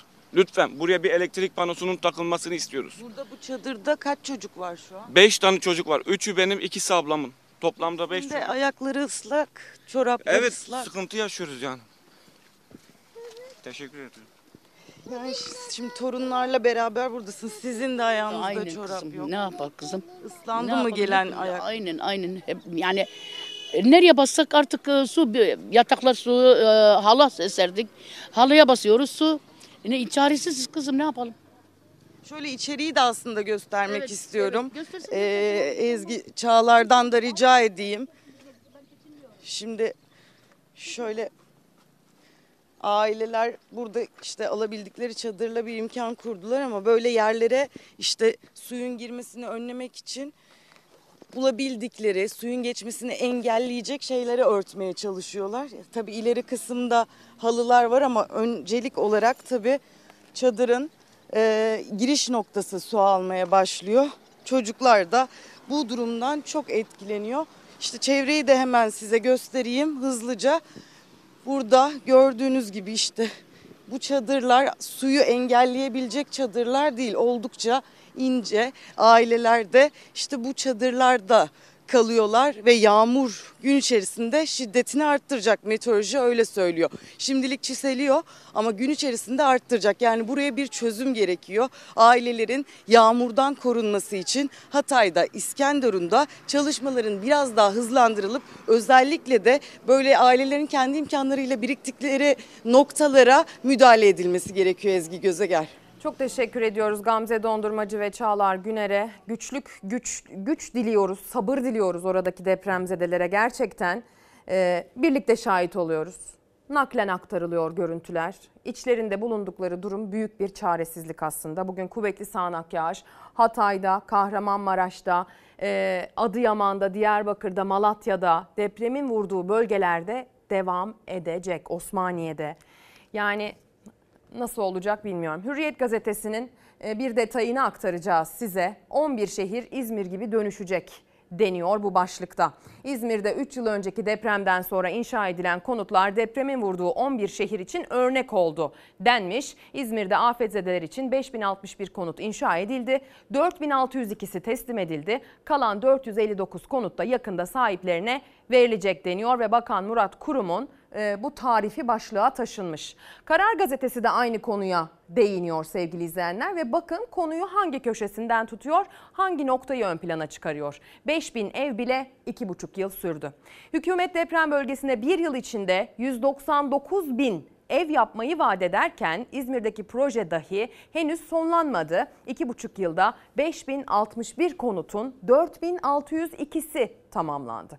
6 Şubat depremlerinde 11 ilde en az 280 bin bina yıkıldı. Uyarılara karşın süratle inşaata başlanırken Erdoğan 199 bin konutun bir yılda teslim edileceğini söyledi. TOKİ'nin uzun vadede 650 bin konut yapması planlandı. Barınma sorunu akıllara benzer süreçleri getirdi. Vanlı depremzedeler bir süre konteynerde kaldıktan sonra yıllarca kirada yaşadı. Devlet 9 yılda Van'a 26 bin konut yaptı. İzmir'de ise 30 Ekim 2020 depreminden bir yıl sonra 596 konut teslim edilebildi. İkinci yılda yapılan konut sayısı 2245'e çıktı. Son olarak 5061 konutun 4602'sinin tamamlandığı kalan 459 konutunsa Mayıs'ta biteceği açıklandı deniyor. Yani nasıl olacak bu iş? Siyaset bunu tartışıyor. TOKİ standartında 105 metrekarelik bir inşaatın maliyeti 600 küsür bin lira görünüyor. Yine Adıyaman'da ihaleler verildi dediler. 1,5 milyon lira 1 milyon 700 bin arası. Arazide eklediğiniz zaman yarı yarıdır kabaca. 3 milyon 3 milyon 200 bine bir TOKİ dairesi olur mu? Deva Partisi lideri Ali Babacan depremzedeler için yapılacak TOKİ konutlarının inşaat maliyeti 600 bin lira olmasına rağmen 1,5 milyonu bulan bir rakamla ihaleye çıkıldığını, arsa maliyeti de eklenince konutların 3 milyon liraya satılacağını söyledi. Tepki gösterdi. Adıyaman'da siz 3 milyon 3,5 milyon lira böyle bir daire alır mısınız? Laf ola beri gele yok. Önümüzdeki bir yıl içinde 319 bin konut toplamda ise 650 bin konut yaparak hak sahiplerine teslim etmeyi planlıyoruz. Hem helalleşeceğiz hem ona evi 5 kuruş almadan anahtarını teslim edeceğiz. Millet İttifakı'nın Cumhurbaşkanı adayı Kemal Kılıçdaroğlu deprem bölgesinde evi yıkılan ya da yıkılacak olan depremzedelere bedelsiz konut sözü verdi. Bir gün sonra Cumhurbaşkanı da konuştu ama konutlar bedelsiz olacak demedi. Evi yıkılan veya yıkılacak olan bütün vatandaşlarıma sözüm sözdür. Allah nasip eder. İktidar olduğumuzda herkesin anahtarını teslim edeceğiz. 5 kuruş almayacağız. 650 bin konut yaparak hak sahiplerine teslim etmeyi planlıyoruz. Bunu kim ödeyecek bu parayı? Depremzedeler ödeyecek. Çünkü onlardan taksit taksit tahsil edilecek bu. Cumhurbaşkanı konutlar bir yıl içinde teslim edilecek diyor. Kaç yıl vadeli olacak, ne kadar kredi imkanı sağlanacak henüz resmi açıklama yok. Deva Partisi lideri Ali Babacan da o konutların maliyetini hesapladı. TOKİ standartında 105 metrekarelik bir inşaatın maliyeti 600 küsür bin lira görünüyor. Yine Adıyaman'da ihaleler verildi dediler. 1,5 milyon lira 1 milyon 700 bin arası. Arazide eklediğiniz zaman yarı yarıdır kabaca arsa bedeli. 3 milyon 3 milyon 200 bine bir TOKİ dairesi olur mu? TOKİ'nin arazi parası vermediğini de hatırlatan Babacan, konutların fiyatının 3 milyonu aşabileceğini söyledi. Bu paranın %60'ını devlet karşılarken %40'ını da depremzede ödeyecek. Eğer konutlar bedelsiz dağıtılmazsa. İnsan utanıyor. Ben bunu anlatırken hicap duyuyorum ya. Ya daha cenazeler soğumadı ya.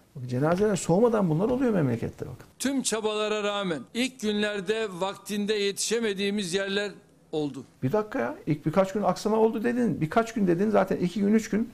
hayatlarının zaten. kurtulacağı zaman o zaman. Eğer sıkıntılar yaşadıysanız bize düşen sizlerden helallik istemektir. İnsanlar öldükten sonra bir helallik müessesesi yok. İnsanlar sağken helalleşilir değil mi? Depremin olduğu sabah Silahlı Kuvvetler personelinin sahaya çıkmasıyla ilgili bir talimat verdiniz mi? AFAD'dan sorumlu bakan kim? O bakandan sorumlu Cumhurbaşkanı kim bu ülkede? Deprem sonrası arama kurtarmada yaşanan eksiklikler, aksaklıklar, iktidarın depremzedelerin yaralarını sarmak için açıkladığı vaatler siyasette tartışması sürüyor. Bakalım bu iş nereye varacak? Depremzedeler bu konuda da aslında diken üstünde. Aslında bu konuda belki de hep beraber diken üzerinde olmalıyız. Çünkü hepimiz birer depremzede olma riskini barındırıyoruz maalesef barındığımız yuvalarımızda. Bir gün gazetesinden bir detayla devam edelim. Onlar da depremzedelerin psikolojisine dair, belirsizliğe dair bir başlık atmışlar bugün. Depremzede için belirsizlik en ağır hasar nedeni. Afet bölgesinde çalışma yürüten Türkiye Psikiyatri Derneği Başkanı Ejder Yıldırım gözlemlerini şu sözlerle paylaştı. Bölgede hala belirsizlik hakim. Belirsizlik ise insana en çok hasar veren şey. Bir şeyin önlenebilir olması insanın içindeki bu haksızlığa uğramışlık ve yalnız bırakılmışlık duygusu hasarı güçlendiriyor. Yıldırım depremzedeler için yol haritasının çok hızlı ve insanlara güven verecek şekilde yayımlanması gerektiğini aktardı diyor. E, gerek Psiko, Psikiyatri Derneği, gerek Psikologlar Derneği, akademisyenler, İBB için de bir kurul oluşturdular sevgili izleyenler. İlerleyen günlerde onların da çalışmaları için özel bir parantez açacağız. Çalar Saat hafta sonunda söylemiş olalım. Tabii depremzedelerin imkanı olanları, başarabilenleri, bir şekilde yardım alabilenleri kendilerini başka şehirlere attılar. Ama başka şehirlerde barınmak da onlar için büyük problem. Koş koş koş koş koş. Koşun koşun. Allah yaşatmaz inşallah da İstanbul'da büyük bir deprem beklenildiği söylenildiğinden dolayı İstanbul'daki vatandaşlar bir korku pompalanıyor. O yüzden bu taraflara sadece izlik olarak da değil, kırsal kesimlere, küçük kasabalara büyük bir göç var. Depremzedeler, deprem korkusuyla İstanbul'u terk edenler. 6 Şubat'ta Kahramanmaraş merkezli depremlerde verilen on binlerce can kaybından sonra küçük ilçeler, deprem güvenliği yüksek adresler, görece daha ucuz kentler göç almaya başladı. Depremden sonrası %25-%30 civarında bir artış söz konusu oldu. Arsalarda da benzer rakamlar. Kırklareli deprem güvenliği yüksek şehir olarak tercih ediliyor son zamanlarda. Uzmanlar Türkiye geneli için depremden etkilenmeyecek il yok dese de 6 Şubat'tan sonra Kırklareli talebin tavan yaptığı adreslerden biri oldu. Talep olan yerde arz da doğal olarak kıymetlenir. Fiyatlar artabilir. Şehrimiz büyüyor. 1 artı 1 daireler 700 bin bantında. 2 artı 1 daireler 2 milyon 2,5 milyon bandında. Depremzede 11 ile yakın adreslerden biri Batman. İl genelinde depremden sonra nüfus katlandı. Ancak talebi karşılayacak kadar kiralık ve satılık ev Batman'da yok. Batman genelinde şu an kiralık olan e, 95 tane e, kiralık daire mevcut. Yardımcı olmak isteriz ama e, imkanlar dahilinde şu anda elimizden e, gelen pek fazla bir şey yok. Çarşı merkezinde saat 11'de gittiğiniz zaman İstiklal Caddesi'nden bir farkı yok. Elazığ Baskil'de depremden canını kurtaranların tercih ettiği bir başka adres. Baskil ilçesi deprem sonrası nüfusunu 5'e katladı. Baskil'de kiralık ev bulunmuyor. Yani ben 58 yaşındayım ilk defa böyle bir şeyle karşılaşıyorum. Baskil'de kiralık ev yok şu anda. Köyler dahil. Başta depremin vurduğu iller olmak üzere İstanbul gibi büyük illerden yaşanan kontrolsüz göçler şehirlerin nüfus dengelerini ve emlak piyasalarını öngörmesi zor şekilde değiştireceğe benziyor. Korkusuz gazetesine hemen bir bakalım sevgili izleyenler. Korkusuz gazetesi ev sahipleriyle ilgili bir detay aktarıyor. Kiraya %525 zam yaptı, karakolu boyladı. Kirayı fahiş arttıran ev sahibine gözaltı Adana'da gerçekleşti. 800 lira kira ödüyordu Aynur Kaya. Emin Ç. kirayı 5000 liraya çıkarmayı teklif etti. Kabul etmedi kiracısı ve iddiaya göre ev sahibi bunun üzerine evin elektrik ve suyunu kesti ve sonrasında Emin Ç. gözaltına alındı diyor. Kiradan bahsediyorsak, barınmadan bahsediyorsak bir de böyle bir olaya sahne oldu ülkemiz Adana dün itibariyle. Depremzedeler hayata tutunma çabasını başka şehirlerde işte devam ettiriyor dedik ve buna dair haberler aktarıyoruz. Büyük şehirlerde dayanışma pazarları kuruluyor. Bölgenin e, kendine has ürünleri satılmaya çalışılıyor ki yaralar biraz sarılsın. Kahramanmaraş merkezden geldik. Şu an çarşımız %90'ı ya yıkılmış ya ağır hasar durumda. Çok üzgünüm. Katkıda bulunabilmek için Üsküdar'dan geldim. İnşallah faydam olur. Kayısı kuyruğundayız şimdi. Mandalinamızı aldık. Feda olsun onlara. Ankara'da Kahramanmaraşlı esnaf için İstanbul'daysa depremden etkilenen çiftçilerle kadın kooperatiflerine destek için dayanışma pazarları kuruldu. Genci yaşlısı yağmur soğuk demeden bölgeye yardım elini uzatabilmek için her iki pazarı da doldurdu. İstanbul'a gelen ürünler kısa sürede tükendi. Kayısı aldım arkadaşlarıma, kardeşlerime. Bal aldım ve şimdi de narinciye alıyorum.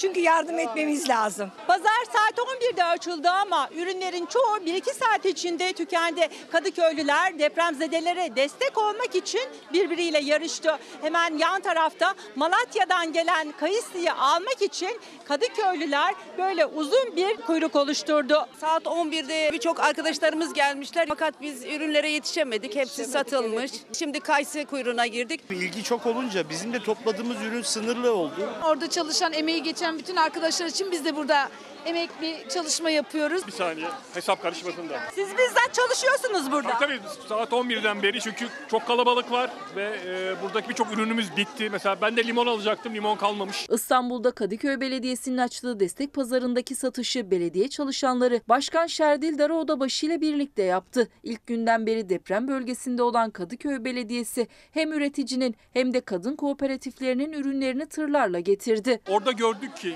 çiftçimizin elinde ürünleri kalmış. Bu sefer oradaki ürünleri alıp burada satmaya başladık. Keşke her hafta açılsa da alıp bir parça bir nezle yardım edebilsek. Kozyatağı'nda da pazar vardı.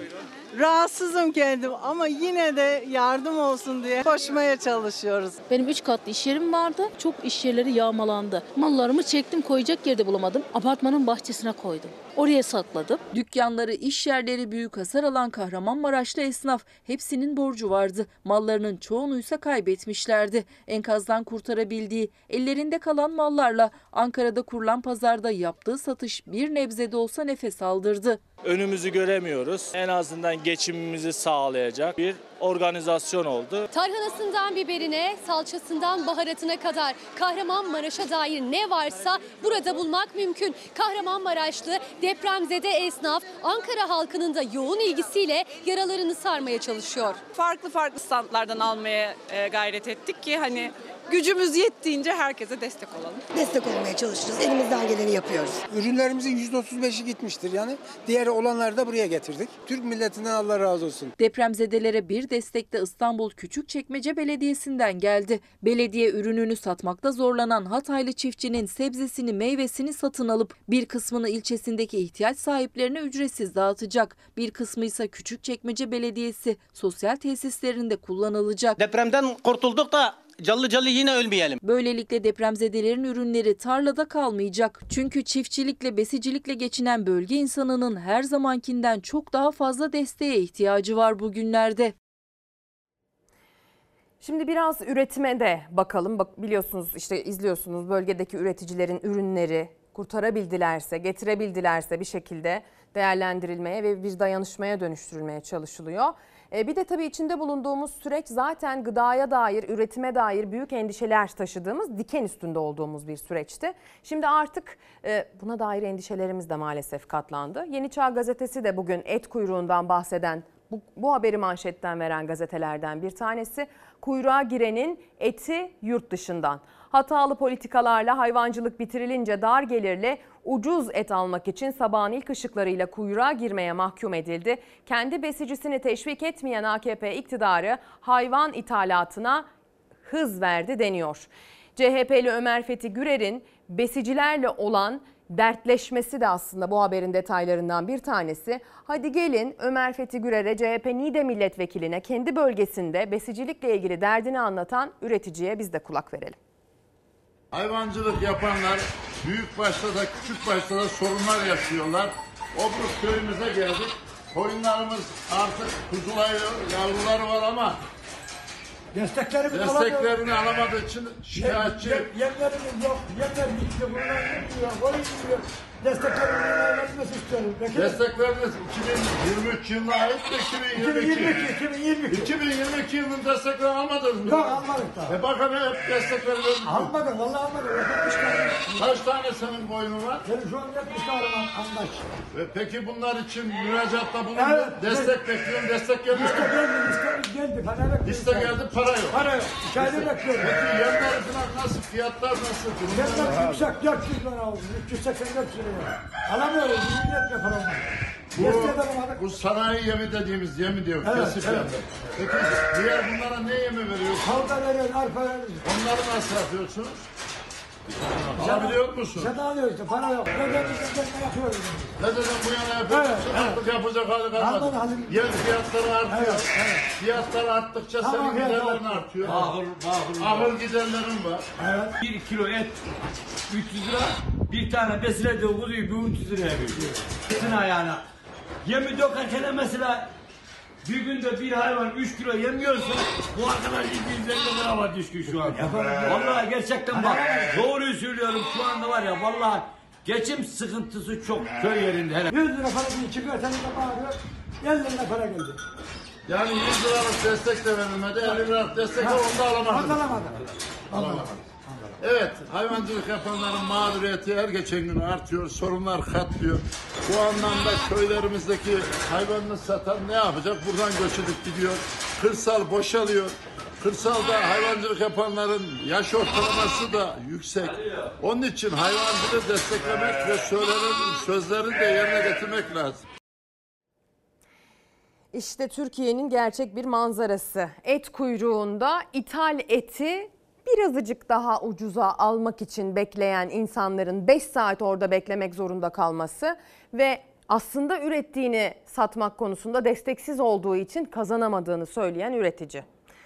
Yani neresinden tutsanız tel tel dökülen bir manzara. Şimdi devam ediyoruz. Boğaziçi Üniversitesi içerisinde, o alan içerisinde kalan ve gönüllülerin yürüttüğü bir hayvan barınağı ve o barınağın apar topar yerinden edilmesi durumu.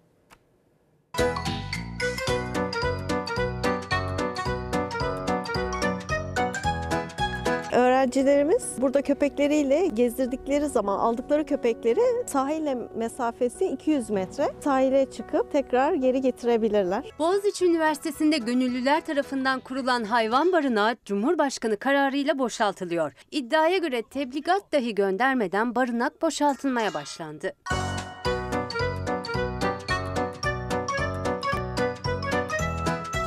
Kararda barınağın İstanbul'un fethinde hayatını kaybeden ilk askerlerin şehitliğinin bulunduğu Fethi Şehitlik Dergahı'na yakın olması gerekçe gösterildi. Gönüllüler hızlı tahliyenin hayvanlar için zararlı olduğu görüşünde. İddiaya göre barınağın taşınması bir yıldır gündemdeydi. Okul yönetimi de zaten hayvanlar için yeni alan hazırlığındaydı. Alt kısımda görebiliyorsunuz mekanı. Diğer kısımda hepsi ayrı ayrıyken burada altlarında konstrüksiyonlarla platform oluşturuldu. Yönetim hayvanlar için yeni mekan hazırlığındayken alan inşa edilirken aniden gelen boşaltma emriyle karşılaştılar. Taşınmanın yaz aylarında yapılmasının daha sağlıklı olacağı görüşündeler. Aşağıdaki köpek barınaklarını daha düzgün bir yere alabilmemiz için bu kısım seçildi. Bu kısımda üst üste iki tane konteyner koyacağız. Kararla hayvanların bulunduğu alana kepçe girdi. Gönüllüler barınak için gösterilen yerin uygun olmadığı, hayvanların uygun zamanda hazırlanan bölgeye taşınması gerektiği görüşünde.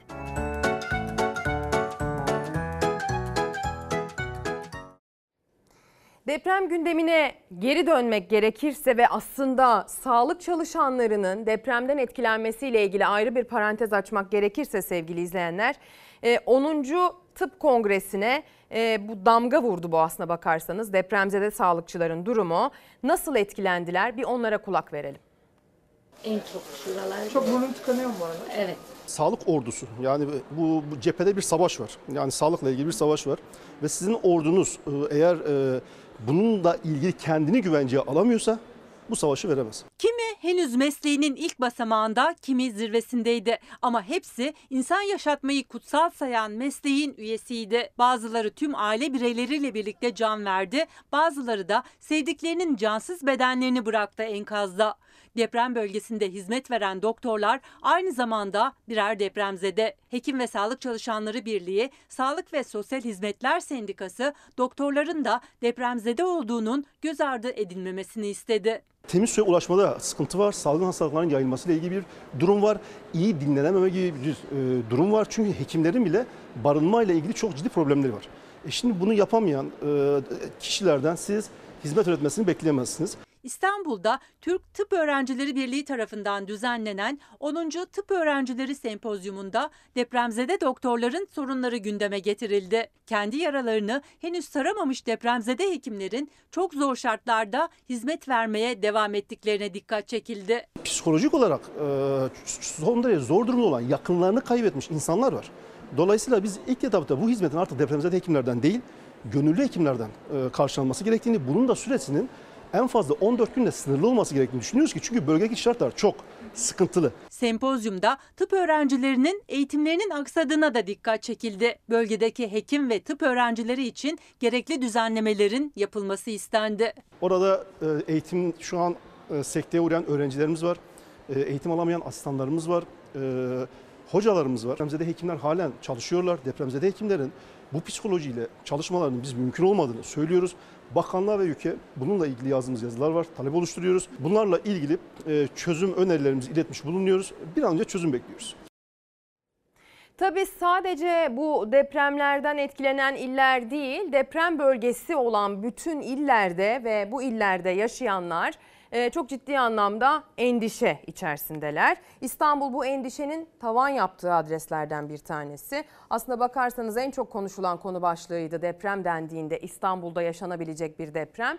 Ama e, yine çok bahsedilen bilim insanlarının işaret ettiği bir başka adreste e, Cumhuriyet tarihinin en büyük depremleri arka arkaya gerçekleşti. İstanbul'da bu ihtimal, bu risk hala devam ediyor. İstanbul'da riskli yapılar üzerinde uzun zamandır çalışma yapan Ali Kurt dün sabah Çalar Saat hafta sonunda konuğumuzdu. Aslında konunun nerede tıkandığı, İstanbul'daki yapı dönüşümü, İstanbul'daki yapı güçlendirmek ki bu yeni projeleri biliyorsunuz. Bu e, projelerin tam olarak vatandaşın cüzdanına dayandığında tıkandığını anlattı bize burada Ali Kurt. Kaç yaşında evin? 94 öncesi eski. Deprem endişeniz var mı? Tabii ki olmaz mı? Ne yapıyorsunuz bu konuda? Hiçbir şey. Bu harita bize şunu söylüyor. 456 bin riskli yapıda oturan 1 milyon 667 bin insanın çağrısıdır bu harita. Diyor ki biz inşaat maliyetini bu yapıların yenilenmesini kabul ediyoruz diyor vatandaş. Ama biz vatandaşa sunduğumuz inşaat maliyetleri korkunç rakamlara geldiği için uzlaşmakta sorun yaşıyoruz. Kiptaş Genel Müdürü Ali Kurt da kabul etti dönüşüm maliyetinin yüksek olduğunu. İstanbullu evlerini dönüştürmek istese bile yüksek rakamlar nedeniyle ertelemek ya da vazgeçmek zorunda kalıyor. Bir konutu yıkıp yapmanın maliyeti metrekare başına 16 bin lira. Güçlendirmenin maliyeti ise yine metrekare başına 4500 lira. Kurt bu rakamları üzülerek açıklıyorum dedi. Daha da artacağını söyledi. İstanbul'da şu an ortalama inşaat maliyeti tüm kalemlerini topladığınızda metrekarede 16 bin lira an itibariyle. Ve üzülerek söylüyorum dedim bu rakam artarak devam edecek. Hayır. Hiç hesaplamaya bile gerek yok. Ben şu an emekliyim. Ne kadar emekli aylığı alıyorsunuz? 5,5. Kesinlikle çaresizlik. Karnımı zor doyuruyorum. İmkan var mı sizce? Hayal. Alternatif bir metot olarak güçlendirme sistemini de devreye soktuk. Hem daha hızlı hem maliyet olarak daha uygun. Ortalamada 4500 lira gibi bir rakam tutar metrekare bedeli. Bu fiyatlara bir yıl önce ev yapıyorduk. Güçlendirme yaparız yani. Yeniden yaptırmaya öyle bir gücümüz yetmez. Emekli eşi, başka bir gelirim yok. Emekli maaşı ne kadar? 6,5. 4500 lirasını evinizin sadece metrekaresine vermek zorundasınız. Evet, çok zor. Kaç yaşında eviniz? 30. Bir yıl önceki dönüşüm maliyeti bugün sadece güçlendirme maliyeti olmuş durumda. Fox Çalar Saat hafta sonu programında Ezgi Gözeger'e konuşan Kiptaş Genel Müdürü Ali Kurt, güçlendirme veya yenileme talep eden İstanbulluların izleyeceği yol haritasını da çizdi. 2000 öncesi yapılmış tüm yapılara diyoruz ki eğer riskli olduğunu düşünüyorsanız uzlaşın gelin inşaat maliyetine sizi yenileyelim dedik. Tabii 6 Şubat depreminden sonra iki kat başvuru arttı. Vatandaş bize başvurduktan sonra onlara bir yaklaşık maliyet göndereceğiz. Ama şu şartı koşuyoruz vatandaşımıza. İstanbul Büyükşehir Belediyesi'nin hızlı tarama testine başvurun. Riskli mi çıktı? Bize başvurun. Hemen maliyeti göndereceğiz. Endişem binamın eski olması. Ne yaptınız bu konuda? Hiçbir şey yapamıyorum. İşçiyiz. Gücümüz yok. Çalıştığımızı ancak kendimize yetiyor. Yani biz kenara bir şey arttırıp da koyma bir lüksümüz yok. Test için belediyeye hiç başvurdun mu? Başvurmadık. Korkumuz var. Geldi senin binana oturulamaz dedi. Geldi mühürledi. E nerede oturacaksın şu anda? Özellikle eski evde oturanlar olası İstanbul depremi açısından çok daha endişeli. Elde iki ihtimal var. Ya yıktırıp yeniden yaptırılacak ya da güçlendirmesi yapılacak. Ancak metrekare hesabı maliyetine de olsa gelire bakıldığında birçok aile için zor görünüyor. Her yerden sıkışmış hissediyorsunuz. Ben de endişeliyim. Tedbir olarak ne yapabilirim ki? Çaresizlik var. Kaç yaşında eviniz? 33 yıl. Maliyetleri yaptıramam şu anda. Peki ne yapacağız? Bekleyeceğiz. Neyi bekleyeceğiz? Ölmeyi herhalde. Güleriz ağlanacak halimize. İstanbul diken üstünde. Şimdi reklam sonra devam. Bir kez daha ekran başına hoş geldiniz. Çalar Saat hafta sonuna kaldığımız yerden devam ediyoruz. Deprem bölgesinden canlı bağlantılarımızı gerçekleştik, gerçekleştirdik. Sele dair son durumu aldık. Yine Şanlıurfa'dan yaptığımız bir canlı bağlantıyla sevgili izleyenler sizlere orada yaşananı an be an aktardık. Bugün itibariyle depremin vurduğu bütün illerde İç Anadolu bölgesinin güneyinde kuvvetli sağanak yağışa dair uyarılar devam ediyor. İlerleyen saatlerde kuvvetli sağanak yağış bölgeyi vurabilir. Aralıklarla gelen sağanaklar zaten zor olan depremzede yaşamını daha zor hale getirebilir. Selin yaralarının sarılmaya çalışıldığı adresler var. Şanlıurfa ve Adıyaman'da hala kayıp 3 kişinin arama çalışmalarının devam ettiğini biliyoruz sevgili izleyenler. Size an be an bilgi aktarmaya bölgeden devam edeceğiz. Ama tabii ki bahsetmemiz gereken bir başka gündem maddesi de seçim. Buna dair haberleri de aktardık ama son günlerin belki de en çok tartışılan konularından biriyle şimdi devam etmek gerekiyor. Memleket Partisi lideri Muharrem İnce. Kendisi aday olacağım dedi. CHP lideri Kemal Kılıçdaroğlu'nun adaylık süreciyle ilgili feragatta bulunabilirim diye de konuştu. Son yaptığı açıklamadaysa beni ikna etmeyin, benim aday olmamı isteyenleri ikna edin edebiliyorsanız diye konuştu. Telaşa gerek yok. Baştan da beni yamamaya çalışıyorlar ya. Yapalım kampanyamızı.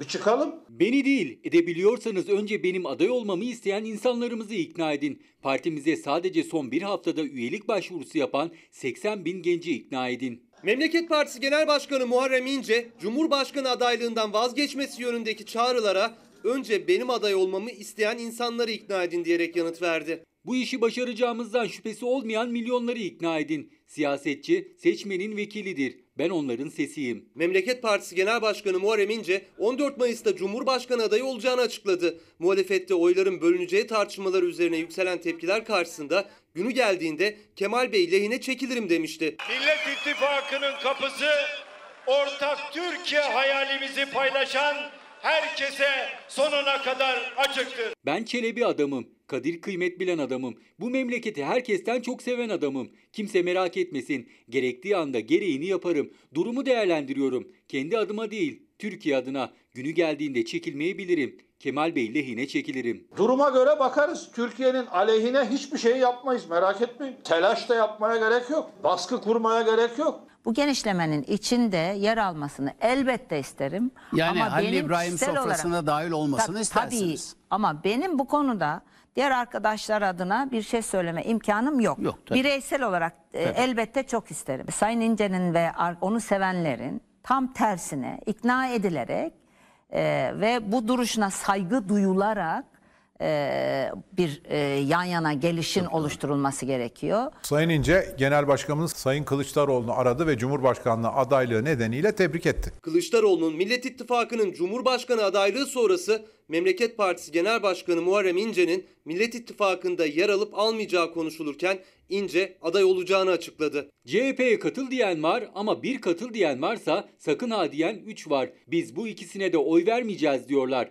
AKP'den bıkmış ama altılı masaya da güvenmiyor. Seçime 55 gün var. Bakarsın ikinci tura Kılıçdaroğlu ile ince kalır. Ben aday olacağım. Kılıçdaroğlu lehine çekilebilirim sözlerinden kısa süre sonra İnce adaylığı konusundaki tartışmalara kapıyı kapattı. Adaylıktan çekilmesi üzerine yapılan çağrılara da öyle. Beni değil edebiliyorsanız önce benim aday olmamı isteyen insanlarımızı ikna edin dedi. Bakalım belki ben ipi ben göğüsleyeceğim. Belki birinci çıkacağım. İnce'nin adaylığına dönük eleştiriler, adaylıktan vazgeç çağrılarına yanıtı Millet İttifakı tartışmaya girmiyor.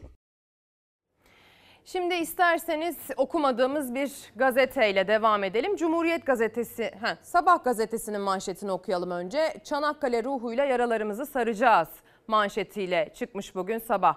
Başkan Erdoğan deprem ve sel felaketiyle yüreklerimizin yandığı bu dönemde Çanakkale ruhuna tekrar ihtiyacımız var dedi. Başkan Erdoğan 18 Mart şehitleri anma günü ve Çanakkale Deniz Zaferi'nin 108. yıl dönümü törenlerinde konuştu. Burada yazılan o büyük destanı daima gururla e, hatırlıyoruz diyen Erdoğan daha sonra da şehitliklere karanfil bıraktı diyor. Sabah gazetesi manşete bu haberi çekmiş bu pazar sabahı itibariyle. Cumhuriyet gazetesine de bakalım. Cumhuriyet gazetesi de manşetten hukukçulara ve onların sözlerine yer vermiş. Yasalar açık, aday olamaz.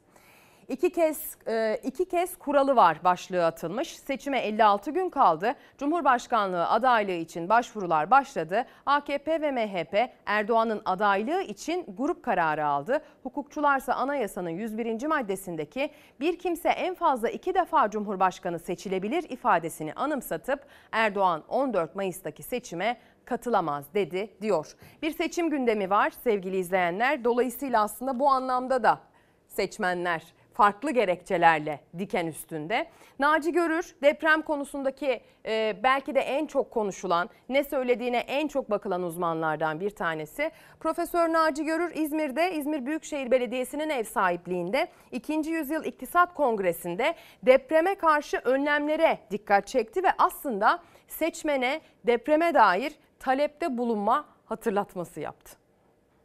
Birçok seçim geçti. Yerel ve merkezi seçimler. Meydanlar tıklık tıklım doldu. Ateşli ateşli nutuklar verildi. İnanılmaz alkışlar malkışlar oldu. Her şey istenildi. Hiçbir kimse Bir tek pankart bile kaldırmadı Allah rızası için. Depremde ölmek istemiyoruz. Deprem bizim kaderimiz değildir demedi.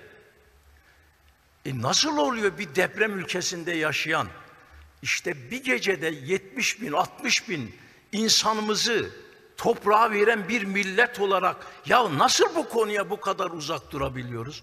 Sahiden nasıl yapabiliyoruz biz bunu? Bundan daha önemli ne var? Devletin en önemli konusu bu değil mi Allah aşkına? Deprem partiler üstü bir konudur. Siz herhangi bir partiye gönül verebilirsiniz.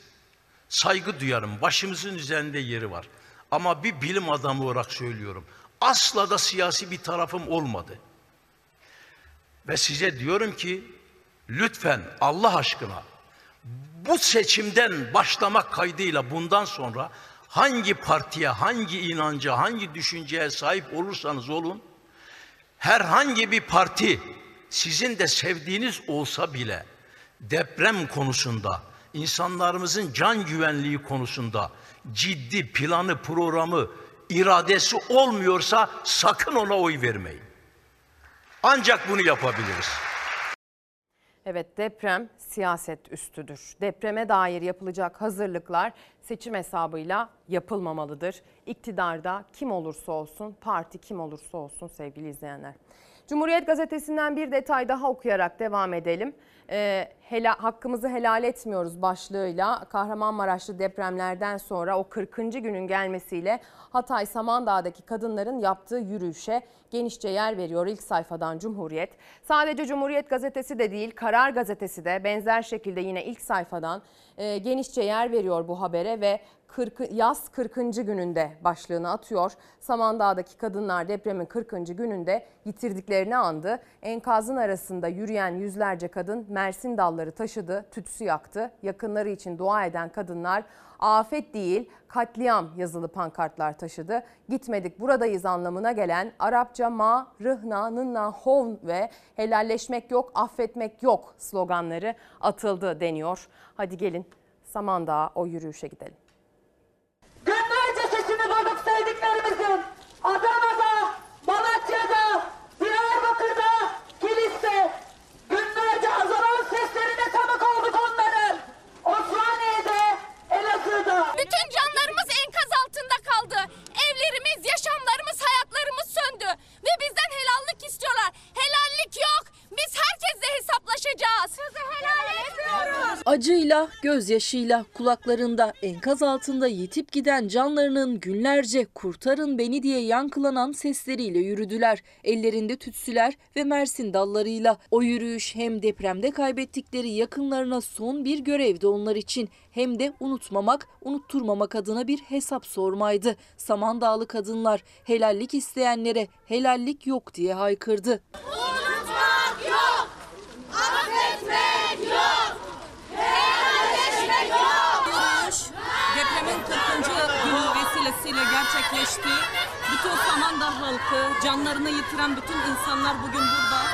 Ve bugün bizim Samandağ'ın, Hatay'ın ve aslında bölgede yaşayan bütün Arap Aleviler için çok önemli ritüel olan e, başvurlarımızı yaptık. Yani tütsülerimizi yaptık. Kahramanmaraş merkezli depremlerin üstünden 40 günden fazla geçti. Hatay'ın Samandağ ilçesinde kadınlar yaşamını yitiren yakınları için yürüyüş düzenledi. Günlerce enkaz başlarında bekledik. Samandağ'da, Antakya'da, Antep'te.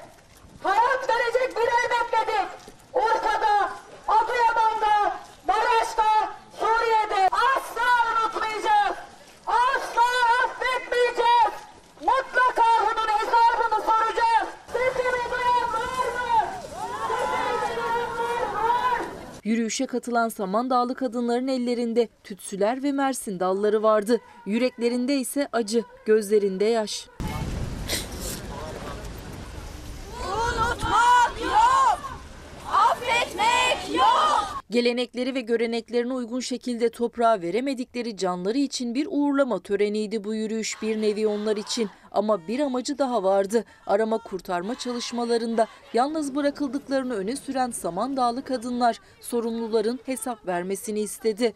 Biz üç gün boyunca kimseyi görmedik.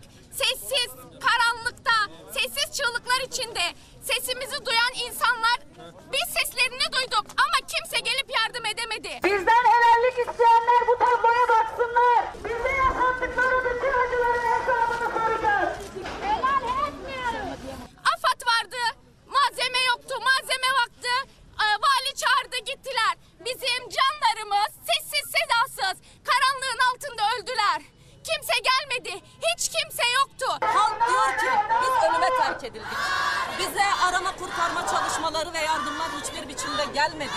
Yürüyüşe HDP ve çok sayıda sivil toplum örgütü de destek verdi. Bizim canlarımızı kurtarın diyen insanları kurtarmayanlar, buraya ekiplerini göndermeyenler, AFAD'ı kazmasız, AFAD'ı e, küreksiz gönderenler bu iktidar bunun hesabını verecek.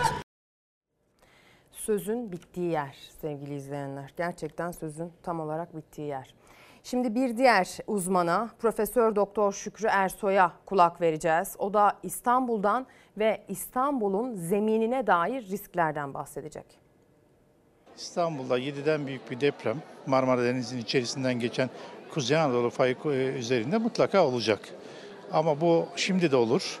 E, Bir 30 yıl sonra da olur ama eninde sonunda olacak. Özellikle e, riskli alanlarda riskli binaları güçlendirmek veya yıkıp yeniden yapmak gibi bir uğraş içinde olmamız gerekiyor. İstanbul'u zemin açısından değerlendirecek olursak e, bir şeyler söyleyeceğim fakat bu genel bir söylem. Anadolu yakasındaki kayaçlar ve zeminler e, çok sağlam kayaçlar üzerinde e, yapı stoğu var.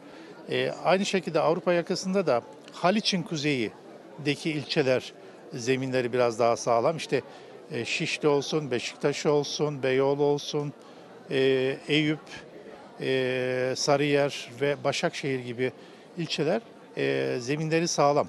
Ama bu zeminlerin üzerinde e, çok çürük kısımlar da olabilir. Dere yatakları özellikle çok tehlikeli.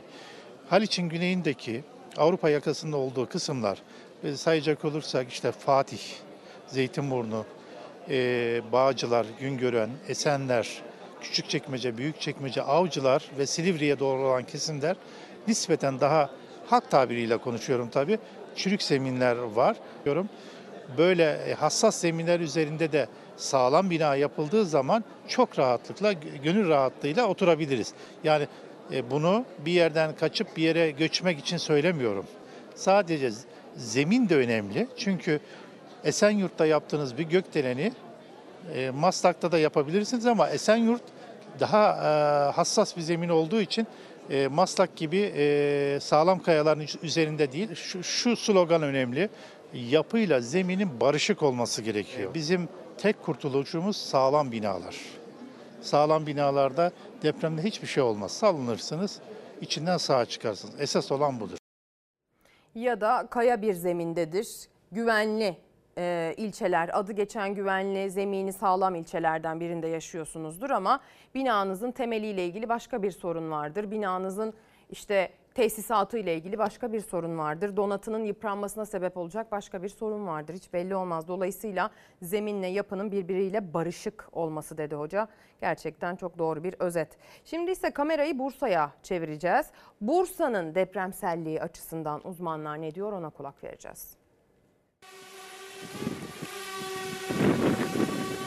Kahramanmaraş merkezli depremlerden sonra en çok merak edilen şehirlerdeki ağır hasarlı binaların sayısı. Megakent İstanbul en çok konuşulan şehirlerden. Ancak AFAD Şube Müdürlüğü'nün hazırladığı rapora göre 6,9 büyüklüğündeki bir depremde en çok binanın yıkılacağı illerden biri de Bursa. 650 bin konutun olduğu Bursa'da 2004 yılı öncesine ait riskli 200 bin bina bulunuyor. Kahramanmaraş merkezli depremlerin ardından gözler Büyük Marmara depremine çevrildi. AFAD deprem ön hasar ve kayıp tahmin sistemi Türkiye geneli fay haritasına göre Bursa ile ilgili iki ayrı senaryo oluşturuldu. Bu senaryo sonucuna göre Bursa AFAD tarafından da bir rapor hazırlandı. Büyüklüğü 6,9 olan bir deprem meydana gelmiş gibi oluşturulan ilk senaryoda depremin Bursa genelinde 18 binden fazla can kaybına neden olabileceği tahmin edildi.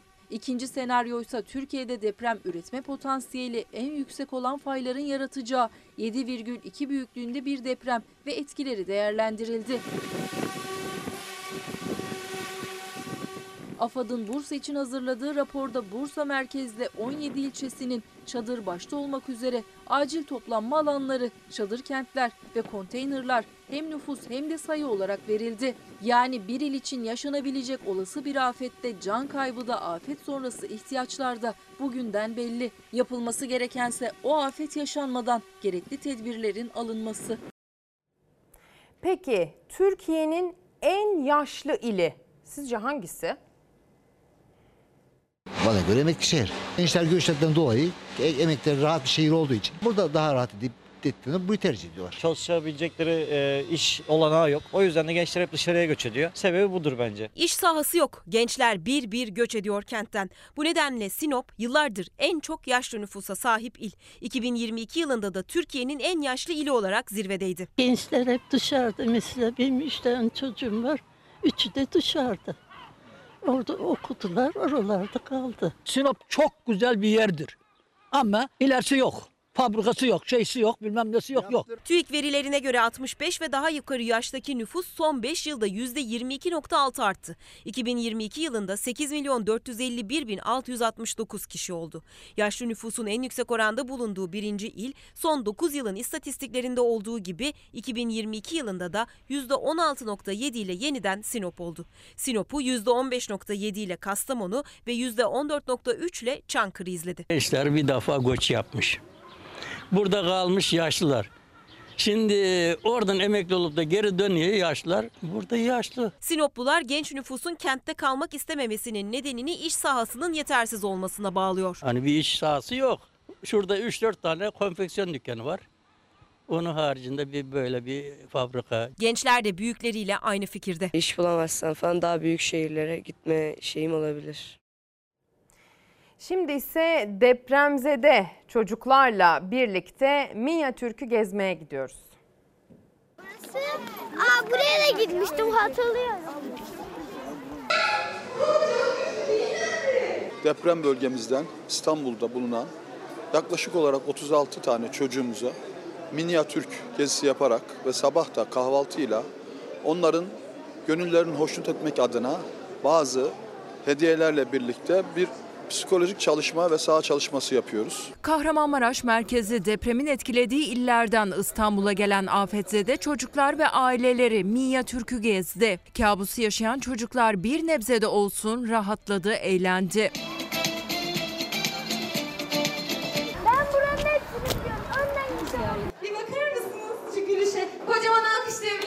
İyi Parti İstanbul İl Başkanlığı İstanbul'a gelen depremzede çocuklara psikolojik destek amacıyla güzel bir gün geçirmeleri için minyatür gezisi düzenledi. Kahvaltıyla başlayan gün eğlenceyle devam etti. Elimde görmüş olduğunuz bu baston şu an. Ne renk? E ama hiç alkış yapmıyorsunuz. Bu kadar. Günün sonunda çocuklar hediyelerle daha da mutlu oldular. Sevgili izleyenler hemen bir son dakika bilgisi aktaralım. Aslında son dakika değil de sıcak bir bilgi demek belki daha doğru olur. Saat 10.25'te Malatya Doğanşehir'de 4 büyüklüğünde bir artçı deprem gerçekleşti. Bilgi AFAD'dan. E, merkez üssü Doğanşehir ilçesi büyüklüğü 4. 10.25'te gerçekleşti bu deprem sevgili izleyenler. Yaşadığımız peş peşe gelen ve hep tarif ederken söylediğim gibi Cumhuriyet tarihinin en ağır travmasını bırakmış afetlerden biri olarak anılacak olan bu depremlerin artçılarından biri gerçekleşti. Bugün itibariyle bölgede kuvvetli sağanak yağış riskinin de sürdüğünü belki hatırlatmak lazım. Tam olarak şu noktada Malatya'da yine yağışın zaman zaman kuvvetlenme e, riskinin olduğu bir il.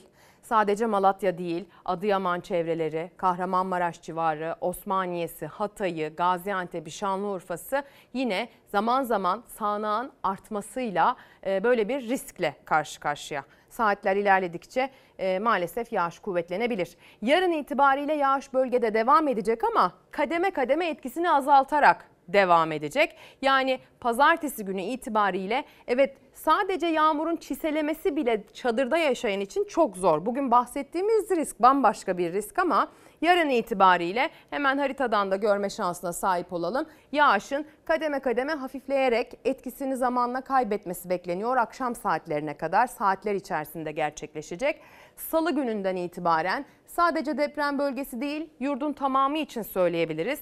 Yağışlı havanın etkisi büyük ölçüde ortadan kalkmış olacak. Geçtiğimiz haftayla bu haftayı, önümüzdeki haftayı kıyasladığımız zaman e, daha az yağışlı bir hafta bizi bekliyor. Öyle görünüyor. Yapılan tahminler bize öyle gösteriyor. Az evvel Bursa'ya gitmiştik. Aslında bu sefer başka bir vesileyle tekrar Bursa'ya gideceğiz. Bursa'da bir ziyaretçi yıllardır hiç vazgeçmeden geliyor Bursa'ya. Ulubat Gölü'ndeki eski Kara Ağaç köyüne 12. kez gelen Yaren Leylek hoş gelmiş.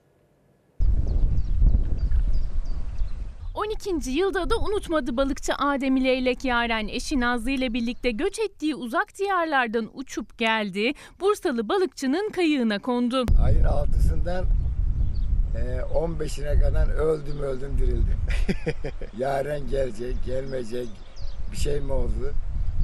Yani şükürler olsun ki 11 gün gecikmeyle Yaren'imize kavuştuk. İsmi Yaren onun sadece Türkiye'nin değil dünyanın da en meşhur leyleği kendisi. Göç mevsiminde meskeni ise Bursa'nın Karacabey ilçesindeki Uluabat Gölü. Ama gölde de özellikle vazgeçemediği bir yer var. Eski Karaağaç köyünde balıkçılık yapan Adem Yılmaz'ın kayığı. Bütün hayvan severleri de gözü aydın diyorum.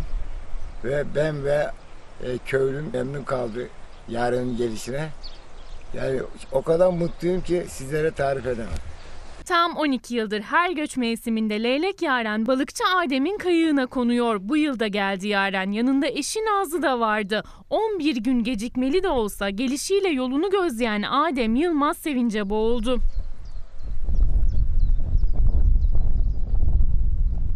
Leylek Yaren'le eşi Nazlı önümüzdeki 6 ay boyunca köyde konaklayacak. Hadi bakalım gözün aydın.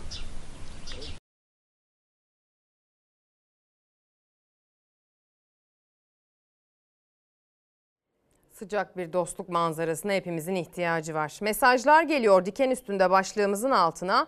Özgür Diker bir mesaj göndermiş. Zaten diken üstünde yaşıyorduk. İşsizlik, zamlar, geçim derdi, enflasyon, mücadele ve aklınıza gelebilecek bir sürü şey artık akıllarımız ermiyor bir süreden sonra demiş gönderdiği mesajda.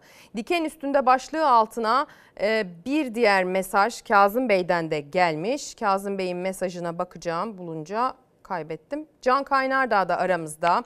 Bence hepimizin diken üstünde olması gerekiyor zaten. Zaten öyleyiz ama dikenin batmaması için uyanık olmalıyız. Bugün 19 Mart Dünya Uyku Günü. Sağlıklı yaşam için olması gerektiği kadar uyuyalım ama siyasette, doğal afetlerde uyumayalım mesajını göndermiş. Güzel bir bağlama. Can Bey teşekkür ediyoruz. Şimdi bir hasta çocuğumuz 4 yaşındaki Asaf serebral palsi sınavı veriyor. 4 yıllık kısacık ömründe onun hikayesine bakacağız. Oturmasını, konuşmasını, yaşıtlarına sadece bakarak e, büyümesini istemiyoruz anne baba olarak. Anne baba olarak 4 senedir sadece Asaf için mücadele veriyoruz. 4 yaşındaki Asaf'ın tedavisi için mücadele veriyor ailesi. Serebral palsi ya da diğer bir ifadeyle beyin felci ve epilepsi hastası küçük çocuk kök hücre tedavisi için yurt dışına götürmek istiyor ailesi. Ama bu da ailenin bütçesini çok aşıyor. Yurt dışı ilaçları kullanıyor, özel fizik tedaviler alıyor. Bunların yanı sıra şimdi bir kök hücre tedavisi aldırmak istiyoruz Hindistan'da. Maalesef Türkiye'de e, şu an için böyle bir tedavi imkanı olmadığı için. İstanbul'da yaşayan Teker ailesinin tek bir isteği var. Asaf'ın tedavi olması ama bu genetik hastalığın ilaçları da tedavisi de çok pahalı. Üstelik SGK bu tedaviyi karşılamıyor. Aile tedavi için Hindistan'a gitmek istiyor. Dört kere beyin ameliyatı geçiren Asaf'ın tedavi şansını yakalayabilmesi için yardım kampanyası başlattı ailesi. Devlet ücretini karşılamıyor, biz kendimiz karşılıyoruz. Buna da gücümüz yetmediği için ilk kuru 500 bin TL'yi buluyor. Kaç kur gideceğimizi bilmiyoruz. Ee, bunu gittiğimiz zaman çocuğa bazı yapılan tetkikler sonucunda öğreneceğiz. Geldiği zaman yoğun bir fizik tedavi alması devam etmesi gerekiyor ki öğrenmesi hızlanması için. Zor. Gerçekten Allah güç, kuvvet ve sağlık versin sevgili izleyenler. SMA'lı çocuklar da onların aileleri de zor durumdalar. Buna dair bir haberimiz de var. Ekran başında, başında çiftçi izleyicilerimiz de var. Mikail Demirkol bir mesaj göndermiş. Bir çiftçi düşünün traktörü olmayan çiftçiler bir yıl üretmezse ekmezse ne olur bir düşünün. Masada ekmek, un, yoğurt olmasa ne olur bir düşünün. Çiftçiler diken üstünde traktör alamıyoruz. Alabildiğimizi banka elimizden alıyor. En küçük traktör fiyatları yarım milyonu geçti. Lütfen sesimizi duyurun demiş. Evet çiftçinin daha fazla desteklenme ihtiyacı sürpriz bir konu, yeni bir konu başlığı tabii ki değil. Fırsatçılara büyük fırsatlar doğdu. Ev arsa fiyatları çığırından çıktı. Her insan kendini bir depremzede olarak düşünsün ve empati kursun. Gün rant günü değil çağrısı Derya Şeker'den gelmiş Tarsus'tan gönderiyor mesajı. SMA konusuna dönmek gerekirse SMA'lı çocuklar biliyorsunuz yurt dışındaki bir gen tedavisine ulaşmak için kampanya yürüttükleri gibi yurt içinde de kendi ülkemizin belirlediği protokollerde bir takım ilaçlar alıp bir tedavi görüyorlar. Çocuklar bu ilaçları zamanında almazsa tedavileri, gelişimleri başa sarıyor ve şu anda bu ilacın tedariğiyle ilgili sorun yaşıyorlar. Oldu kızıma. Türkiye'deki SMA hastalarının tek tedavi şansı olan ilaç bir buçuk ayı aşkın süredir ülkeye girmiyor. SGK kapsamında ancak ne yazık ki bir buçuk ayı aşkın süredir e, SMA'lı bebekler, SMA tip 1, tip 2 ve tip 3 e, ilacı erişim noktasında sıkıntı yaşıyor. Bizim için en önemli ve en ivedi bir e, konu. SMA hastası çocukların 4 ayda bir kullanmaları gereken ilaca bir buçuk aydır ulaşamıyor aileler. Tedarikte sıkıntı olduğu için birçok SMA hastası ilacı zamanında alamadı. O hastalardan biri de aynı zamanda depremzede olan Dua İkra Kara. Hem kızım SMA hastası hem depremzedeyiz. Hastalık hızla ilerliyor. Çocuklarımız gözlerimizin önünde erimesin. Biz tekrar deprem yaşamak istemiyoruz. Yeni doğan taramasıyla teşhis alan bebeklerimiz vardır. Bu bebeklerimizin bir an önce tedavilerine başlayıp 4 yükleme dozunu arka arkaya 63 gün içerisinde tamamlaması gerekmektedir. Maalesef yeni doğan taramasıyla teşhis alan bebeklerimizin bir kısmı ilaca hiç ulaşamazken bir kısmı ise dua ikra gibi sadece bir dozunu alıp devamını getiremedi. Dua İkra Kara 52 günlükken SMA teşhisi aldı. Şu anda 3,5 aylık. Depremi yaşadı. Ailesi İstanbul'a koştu. Yeni doğan bebeklerde ilk 2 ayda 4 doz ilaç alınması gerekiyor. Dua bebek birinci doza ulaştı ama ikinci dozu alamadı. Çünkü ilaç yok. Hastalık hızla ilerliyor. Ee, Buradan yetkililere de sesleniyoruz. Lütfen tüm SMA hastalarının adına sizden rica ediyoruz. Bir an önce ilacımızı temin edin. Tedavi süreci devam eden hastalarımız Şubat ayından itibaren e-devlet sistemi üzerinden yaptıkları başvurularına SGK onayı almalarına rağmen sistemde sürekli karşılarında ilaç temin aşamasında ibaresini gördü. Fakat ilacın ne zaman temin edileceği hiçbir yetkili kurum tarafından bildirilmedi. Ne dernekler ne de aileler cevap alabildi yetkililerden ilaca neden ulaşamadıklarını bilmiyorlar. Geçen her saniye hayati önem taşıyor SMA hastaları için. Bir buçuk aydır alamıyorlar ve her geçen gün, her geçen saat e, bizler bu hastalık sebebiyle kaslarımızın daha da yorulduğu, daha da güçsüzleştiği sebebiyle daha geriye gidiyoruz. SMA'lı aileler seslerini daha güçlü duyurabilmek için SGK'nın önünde eylem yapmaya hazırlanıyor. Bize bir dönüş yapılmazsa e, sesimizi Ankara'da tüm SMA'lı aileler olarak duyurmak için e, bu perşembe günü e, bir basın açıklaması yapma durumunda kalacağız. Biliyorsunuz dün 18 Mart Çanakkale Zaferi'nin şehitleri anma günümüzün 108. yıl dönümüydü. Pek çok tören yapıldı. O törenlerin pek çoğunu bu ekranda izleme şansına sahip oldunuz. Gençlerimizin özellikle Çanakkale ruhuna önem veriyor olması hepimize biraz umut aşılayacaktır diye düşündüğümüz için Samsun 19 Mayıs Anadolu Lisesi tarafından hazırlanan Çanakkale'ye minnetle projesiyle sizi baş başa bırakacağız reklama gitmeden önce.